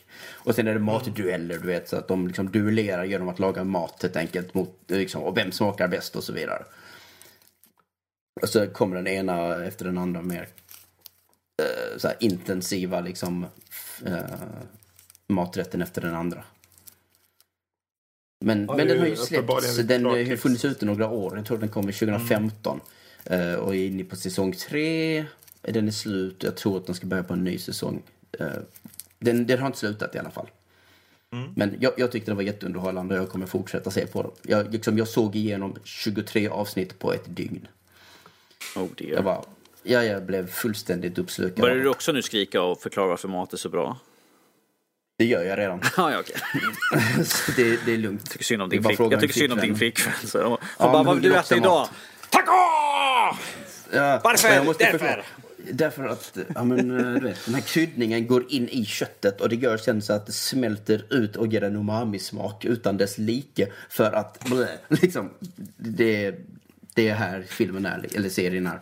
Ja, men där, där har ni ett tips. Food Wars. Ja. Kolla upp den. Den var så här sjukt som sagt charmig och bizarr på ett sätt som jag uppskattade. Medan One Punch Man som är en serie med bara oh. fighting och så vidare och mycket monster. Mm. Den trodde jag skulle vara sjukt bizarr och konstig. Den, den är bra men den föll inte riktigt helt för den. Även om den har smarta... Den följer jag helt pladask för. Ja, den har så satirelement liksom på shonen-genren. Ja. Um, men jag vet inte, jag tyckte Food Wars eh, signum, eller så här, brand of weirdness var mer kul. Mm. Bra, men eh, då, vi gör så här. Vi rundar av övriga nördämnen och hoppar lite snabbt till lyssnarfrågor eh, som vi har fått in. Vi har hållit på ett tag nu. Frågor. Ja. Um, Danny. Yes. Uh, river av några. Som river av några stycken sådär. Jag ska försöka inte vara allt för långdragen sådär. Uh, vi tar den här från Maja. Uh, Hej Nördliv. En fråga. Idag är allt små DLC och så. Vilka spel har fortfarande expansioner och vilka spel från de senaste åren har haft de bästa expansionerna och varför? Um, Boy, jag kan ju börja, jag vet inte om det är tillåtet ja. att nämna det här spelet fortfarande för jag har tagit upp vi, det du, Vi ser det ifall Max klipper bort det här så vet ni varför. vadå, det, vadå? Givetvis Witcher 3. Ah, Hallå. Mm. Uh, ja. Hearts of Stone är ju världens bästa expansion. Liksom. Men, eh, ja, det, det är ju riktiga expansioner. Det är ja. inga DLC-skit där inte. Det är riktiga expansioner. Mm, verkligen. De är värt varenda öre. Men vi behöver inte mm. gå in på det. Det finns säkert 70 avsnitt i vår backlog som vi diskuterar om. Mm. Witcher vid Någon annan som har några exempel? På... Uh, alltså jag gillar väl... Jag, jag, jag köper väldigt sällan expansioner och så vidare. Men jag gillar ju uh, alltså vad Nintendo har gjort både med Mario Mario Kart till exempel. Mm. Jag tyckte mm. att de gjorde ett ganska generöst paket där och det var billigt överlag. Och man fick typ 16 nya banor, vilket är typ hälften av vad grundutbudet var från början. Eh, så att jag tyckte att det gillade jag. Eh, man fick det i två omgångar. Så det kom som två paket. Med åtta nya banor per och så karaktärer. Bland annat hade den Isabelle som är min waifu. Så, att det, så jag blev väldigt nöjd med det. Ja, jag, jag skulle nog dra till med Civ 5s expansioner. Ah. För de är alla väldigt... De är oftast... Eller de var ju väldigt välgjorda. Det var alltid stora saker som fördes in i dem. Och massor med civilisationer och... Ja, massor med saker helt enkelt. Är det, nästan, det är väl nästan rättvist att säga att Civ 5, den upplevelsen är väl inte riktigt komplett utan expansionerna liksom, om man köper det idag. Liksom. Nej, det, nej så är det, det. Väldigt skulle kännas... Och det känns ju också som att de kom alltid ut med... Det var ett bra pris för en fyllig expansion. Det var aldrig överdrivna priser heller. Någon hundring liksom bara. Expansionen till XCOM 2 är också väldigt, väldigt bra. War of the Chosen. Den gav tvåan ganska mycket nytt liv, om man säger så. Mm. Det är ett svårt, det är en ganska svår expansion, men it's, it's good. Mm. Bra. Men vet ni vad? Jag tror vi, det räcker med ja. så. Mm. Eh, vad har vi fått mer? Vi har fått här från Darian. Eh, han skriver så här. Såg att ni ska ha dogma, att dogma igen i Nördliv. Roligt. Vad tycker han om senaste Nintendo Direkt? Ni har pratat tidigare om spel ni vill se på switchen. Vilka spel vill, vill ni kommer till andra plattformar? God of War på PC, Halo på PS4. Låt fantasin flöda. mm. eh, vad, vad tyckte, såg du den senaste Nintendo Direkt? Ja, jag såg. Jag till och med höll, jag jobbar ju på natten mm. så att jag till och med höll mig borta från sociala medier på hela natten och på morgonen så jag kunde sen se den. Ah, okay. uh, ja, vad tror jag? Jag, jag tror att, uh, jag tror att nya uh, Smash Bros-avslöjandet tror jag är jag tror att det är ett nytt spel. Jag tycker allting pekar mot att det är ett nytt spel. Uh, jag hade väntat mig att att Toads... Gud, vad heter det? Captain Toad. Captain Toad, just det. Att det skulle komma. För nu när... Uh, uh, vad heter det? Tropical Freeze är avslöjat redan. Så, vilket mm. kände jag att ah, då är det det eller typ Pikmin 3 kvar. okay. det, för de fortsätter på det samma gamla sväng liksom. Att ja, det här var bra, riktigt bra. Men det sålde inte på Wii U because uh, Wii U. Mm. Uh, och ja, vad händer mer? Uh, Sushi Striker ser awesome ut. Jag är väldigt glad att det kanske kommer, eller att det kan komma till Switch. Uh, så att det inte behöver vara 3DS. Uh, supermärkligt att Luigi's Mansion kommer på 3DS.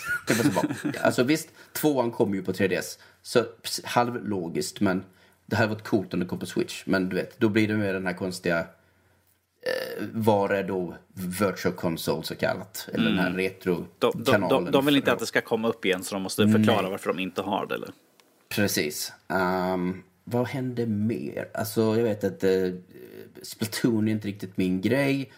Uh, jäklar vad den trailern var alldeles för lång. Den borde vara typ en tredjedel mm. så lång. Det kändes som de körde den bara för att de skulle få köra den här coola låten. Ja, men det ser ambitiöst ut. Det ser ut som ett riktigt DLC. Och de har ju varit så generösa hela året med, med nya banor och grejer.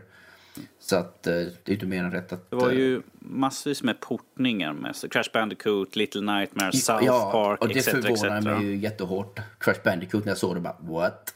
För det var som sagt, det var som att åka tillbaka till 2000 och, eller 2002 och höra att liksom Sonic Adventure kom på GameCube. det bara va? Uh, och det bevisar ju bara mer och mer att det är såklart Activision som sitter på licensen. Mm. Uh, och att Sony inte köpte licens, alltså köpte exklusivitet.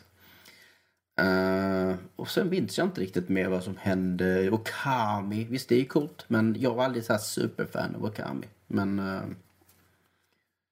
yeah. Ja, det var väl det. Som sagt, mm. Sushi Striker var väl det nya häftiga tyckte jag på något sätt. Uh, det var väl ingenting annat direkt som var så här jättenytt. Mm. Uh, jag väntar på E3. Ja, jo. Det är, jo, en, en sista sak. Uh, som är en sammanhängande grej. Och det är att jag är inte riktigt övertygad. Alltså förra året, Switch-året var fantastiskt. Helt amazing.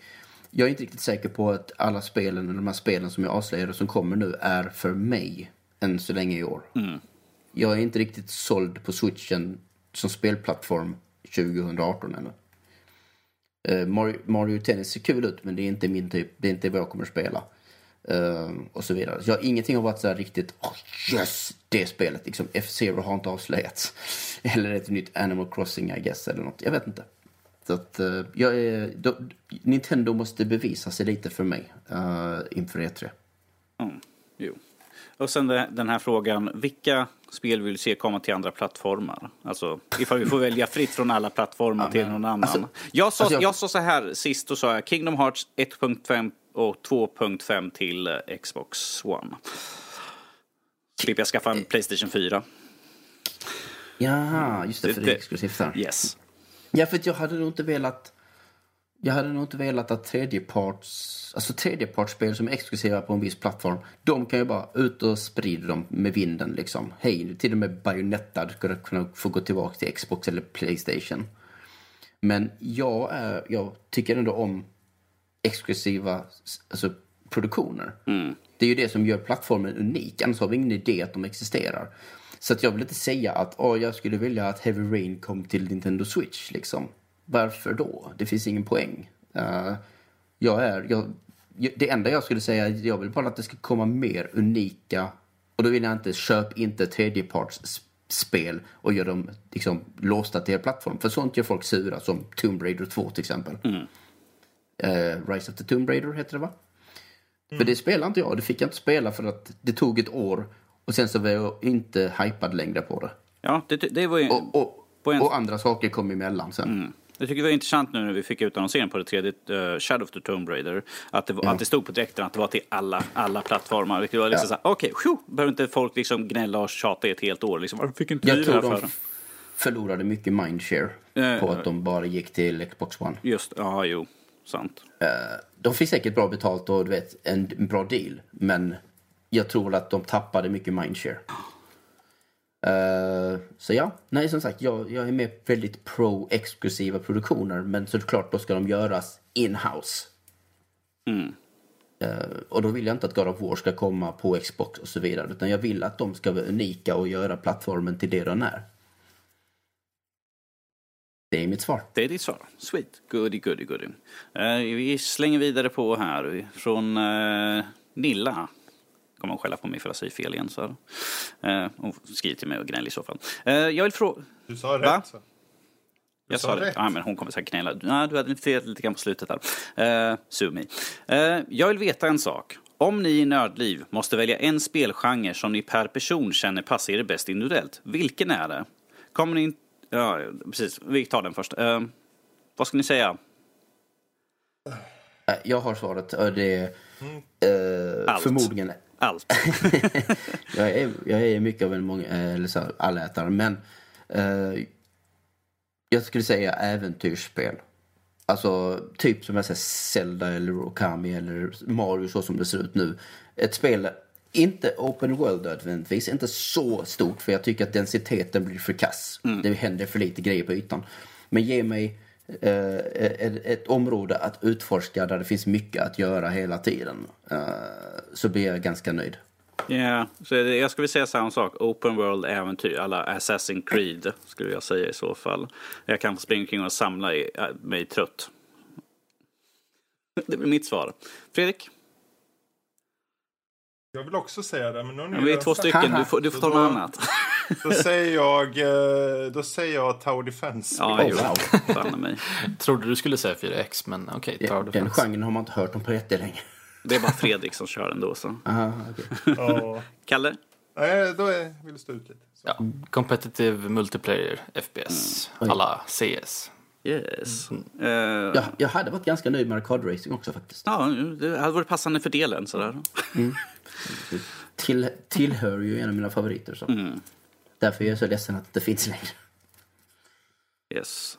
kommer, kommer ni göra något live-framträdande någon gång? Vill se det i action? Äh, skeptisk till det hela. Vi är väldigt blyga små violer som inte tycker om att visa upp oss. Det är därför vi sitter bakom våra mikrofoner och gömmer oss.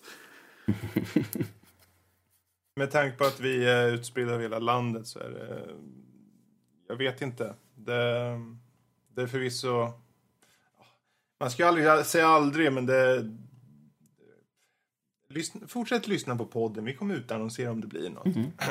Det ska finnas tillräckligt mycket eh, lyssnare också liksom, som kan ta sig Mm. till en plats för live också. Ja, exakt. För just nu lyssnar ju alla från olika håll i Uppe landet. på det liksom. Vad, ja, så... Men att samla er är ju Men, inte men. så svårt kanske, men att samla Det, sku, det lyssnare dessutom är ju lite ett företag i sig. ja, det skulle Mm. vara kul ifall du skulle ha en panel och så sitter bara hon där liksom. Och så här. När jag hade, när jag på Gamecore.se hade våra Gamecore on Tour-grejer. Så det var inte poddar eller någonting utan eh, det var liksom bara vi åkte iväg och jag åkte till Göteborg och Stockholm och så träffade, så hade vi meetups helt enkelt. Eh, ja, och det funkar ju men du vet det blir en eh, 10-15 människor eller någonting. Det är lite olika. Så att det, det måste ju funka liksom och vissa år var det sämre än andra.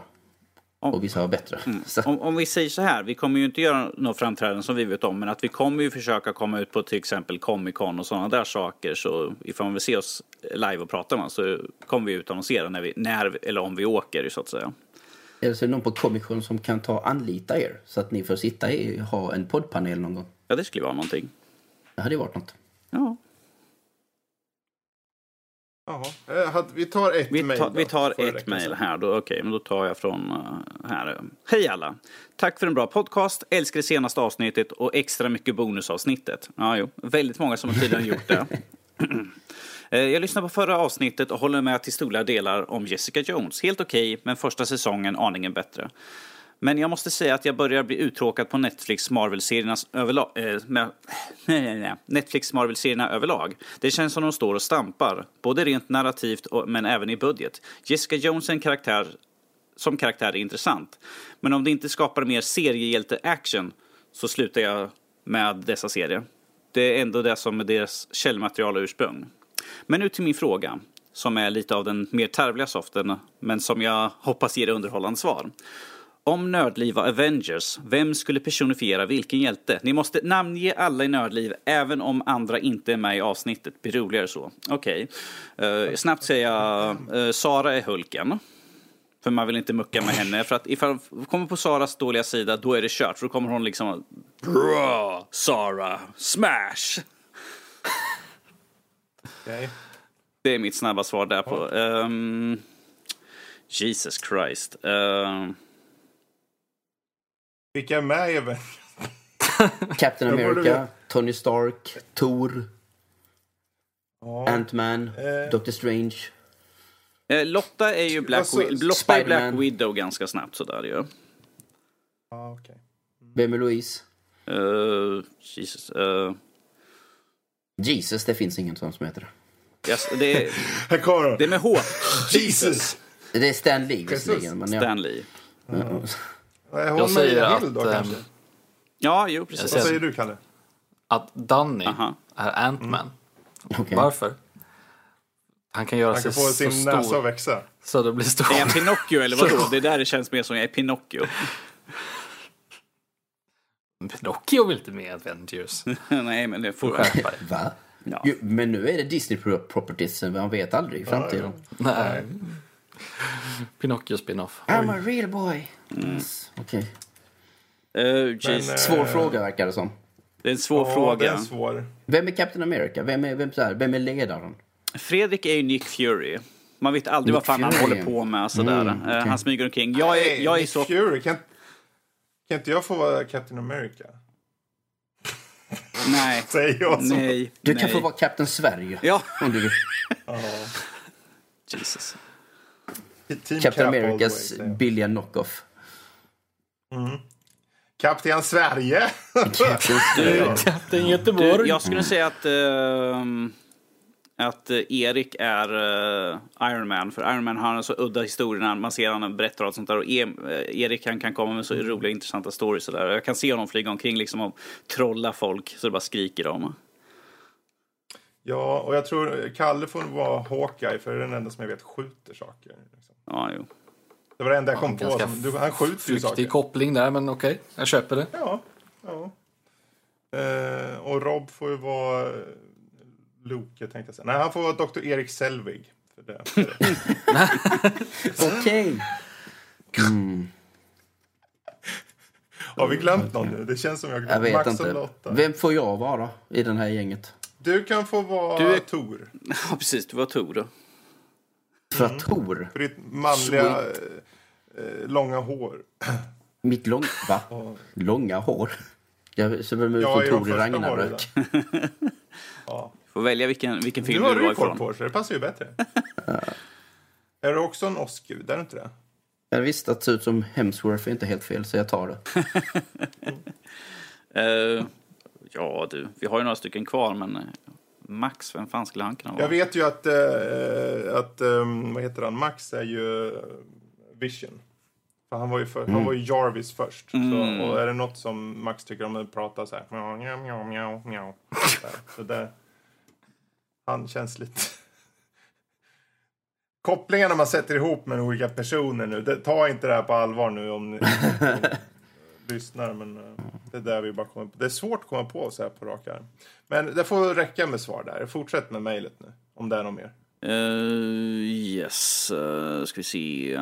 Sedan en fråga till gäst som ni pratade om i tidigare avsnitt av Nördliv. Vilka trender ser Alexander i spelmediumet? Och finns det någon typ av spel, utöver alla Battle Royale-spel som ni bland annat nämnde, som vi kommer se mer av? Och finns det en spelgenre som du, eller ni, han skriver det också, ni hoppas på en revival, få en revival? Well, det svaret är ganska uppenbart. Arkadspel, arkadracing. liksom, like yes, do it. Um, som en genre. För att uh, de flesta andra lever väl så smått. Uh, jag kan väl tänka mig också att vissa skulle tycka att det vore väldigt trevligt om det kom ett riktigt seriöst liksom, uh, skatingspel också till exempel. Mm. Skategenren är bara pff, helt borta Yeah. um, vid det här laget. Mm. Och vill, Men, vill inte se eh, nu som Tony Hawk har hoppat av med sitt samarbete där ju. Jo, men det behöver inte vara Tony Hawk. Det Nej, jag vet, vara, men Tony vet, Hawk är liksom eh, det pivotal liksom av skating. Jo, så är det ju. Men ja, många gillar ju skate också. Ja, ja, ja. Men det är inte bara det. Det handlar bara om att hitta någon som gör ett bra skatingspel. Mm. Ehm, men jag antar att skating är inte lika stort längre. Så det får bara liksom leva på sina spelförmånliga meriter och ingenting annat. Mm. Men alltså, äh, generella trender i spelvärlden, det är ju inte lätt liksom att... Eh, jag har faktiskt en text som jag snart förmodligen skriver eh, som handlar liksom just om det här med att har vi inte lärt oss någonting? Ska vi alla nu jaga, precis som med, med eh, när eh, Call of Duty var populärt och det var FPS och så vidare. Så ska alla jaga de pengarna till exempel. Och sen när Moba började växa, det tog, det tog ganska lång tid innan Moba började exploateras av andra. Men det hände och det vet, ingen kan göra det. Samma sak med MMOs, ingen lär sig. Liksom, det får bara plats tre, fyra stycken, det räcker. Sen så kan det inte göra fler. Och nu är det samma sak. Hur många som helst kan inte göra den här Battle Royale-grejen. Så att jag bara säger så här. Alltså sluta att följa andra hela tiden. Liksom några är kanske värda att göra det på men är ni för långt efter tidsmässigt så hitta nästa grej. Gör, gör er egen fucking coola nya grej. Vi behöver inte alla ha zombiespel. Nej, precis. Fast jag ser faktiskt fram emot State of Decay 2 Ja, det förstår jag nästan. Så. Det ser ganska coolt ut. Ja. Men, eh, ja, nej, precis. Har, har, ni, har vi inte lärt oss någonting de senaste 15 åren? Liksom, att följa, följa John hjälper inte så mycket. För det är oftast den som börjar som klarar sig och sen kanske de som följer på snabbast och är såklart bäst i det.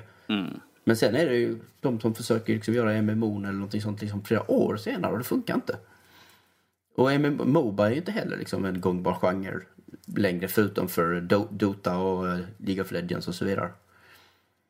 Eh, Så jag, jag tror att Fortnite och sen nu PubG och sen är det förmodligen någonting mer som kommer förmodligen kunna funka. Och sen så räcker det. Sen är det liksom eh, mättad. Marknaden är mättad och eh, börjar hitta någonting annat. Nu får det vara nog. Eh, Bra, för nu får det vara nog. ja. Det var väl eh, det sista mejlet där. Det var från Tommy. Det var från Tom. Vi, tacka vi, vi, eh, ja, det, vi, vi, Har vi har, vi, vi, har, vi har mer mejl, men att det, det, vi är så lång tid här just nu. Jag får tacka de som har skrivit in, eh, som inte tas upp här, men att vi börjar köra väldigt långt och... Ja, det var ingenting annat som var riktat till mig i alla fall. Nej, det var ingenting annat där. Nej, Okej, bra. Det, som sagt, tack Tommy. Så, Fredrik. men eh, med det sagt så eh, påbörjar vi runda av här. Och innan vi gör det så, Alex, vart Ja. hittar man dig? Man hittar mig på playerone.se såklart då, som där jag är chefredaktörar. eh, med mina kollegor. Uh, och det är då player one skrivet i bokstäver.se. Man hittar oss också på player, player one understreck se på Twitter. Och sen så player one på Facebook. Tror jag bara man skriver bara player one så hittar man oss tror jag. Mm. Vi är en grön ikon med en P1 som ikon. Uh, sen hittar man mig privat uh, på dogma understreck, at dogma understreck på Twitter. Mm. Uh, och det sista jag vill säga är att vi söker folk till våran sajt. Mm. jag har varit ute på Twitter och letat. Vi har fått en person som sagt, Adrian. Mm. Men vi vill ha mer folk. för vi, ja, vi vill ha upp tempot och så vidare och kunna klara oss bättre när du vet, det blir lite långsammare och så vidare. så att om ni är intresserade av att skriva för oss så kontakta oss. Det, oh, vilken adress var det? Jag tror det är alexander at playerone.se faktiskt. Uh, så det är min, min mail. Uh, men uh, det finns också, om man bara går till Player One så kan man, alltså till, på, på Twitter så kan man se att det finns en bild där som är väldigt tydligt. Ni har väl till och med uh, retweetat den här för mig och sådana saker? Uh, jag tror det. Ja. annars är det bara att kontakta mig på ett dogma understreck till exempel på Twitter och prata med mig direkt och säga jag är intresserad, vad behöver jag göra? Klart, det är klart, man, så, man går ju till högsta hönset på dräkten. Ja men absolut. Och liksom, så, bry dig inte om, har du haft, inte, visst är det coolt med erfarenhet men man kan vara bra utan erfarenhet också. Man, det finns alltid potential och, uh, uh, vad heter det, talang i folk. Mm. Liksom. Så det är bara att hitta den och jag är alltid redo att hjälpa till och lära upp och liksom men mentora liksom och så vidare. Jag tycker sånt är kul. Kan du träna, så... kan du träna Fredrik? ja, nej precis. Och precis, vi eh, alla försöka, det, åldern, alltså visst, det finns kanske gränser men du vet, så länge man är duktig på att skriva och så vidare. Uh, och gärna kvinnor, gärna tjejer liksom. Vi vill ha olika perspektiv. Adrian är som sagt ett yngre perspektiv. Han är liksom 17 år. Och det tycker jag är intressant. För att vi andra är 25 till 30 plus kanske. Och det är väldigt intressant att höra hans perspektiv ibland till exempel. Mm. Perspektiv är bra. Det är därför vi har Kalle, för han är babyface. Yes. Ja, jag måste ju balansera ut åldersnojan på den här podden annars så kommer vi gå under. Hur gammal är du Karl? 22. Okej. Okay. Mm. Och, jag, och jag blir snart 39. Så. Ja, och, och jag är 37. Ja, gubbstrutt. Ja, lite. Men inte lika Men äh, gör så. Hoppa in på Play One, ta en titt och hör av dig till eh, Alexander. Om ni Hemskt gärna. Jag hade uppskattat det väldigt mycket. Med det sagt, är det så att ni vill vara tag på oss, ni vet hur det är. Hoppa in på sajten nordlivpodcast.se, alternativt nördliv.se. All info finns där, länkar, hela rubbet. Eh, och är det så att ni vill kontakta oss, som vanligt, info at nordlivpodcast.se. Vi finns självklart även på Twitter, nordliv.se. Och på Facebook, nordliv.se och så vidare. Och är det så att ni faktiskt vill prata med oss, kanske live, ja men vad tusan, hoppa in på Discord eller på Teamspeak. Eh, länk för detta eh, finns på sajten, så det är bara att hoppa in. Så, men vi får tacka Alexander för hans eh, lilla inhopp idag. Det var jättekul. Hör ja, det, igen. det var det. Eh, det är midnatt nu, jag kommer jobba om två timmar. Ja. Haha, kul! Men, men, uh, man får väl offra sig men, ibland men, helt enkelt. Alexander, den här gången så kan du i alla fall gå till jobbet med vetskap att du kommer höras. Jag kommer att höras. Det, det spelar fortfarande in här på den här sidan också. You'll be det... Så, men från oss alla till er alla, ha en riktigt god eh, Påsk. Nej, det är en vecka för tidigt. eller påsk eller vad det är. Så, hej svejs! Hej hej! Toodaloo! Hejdå!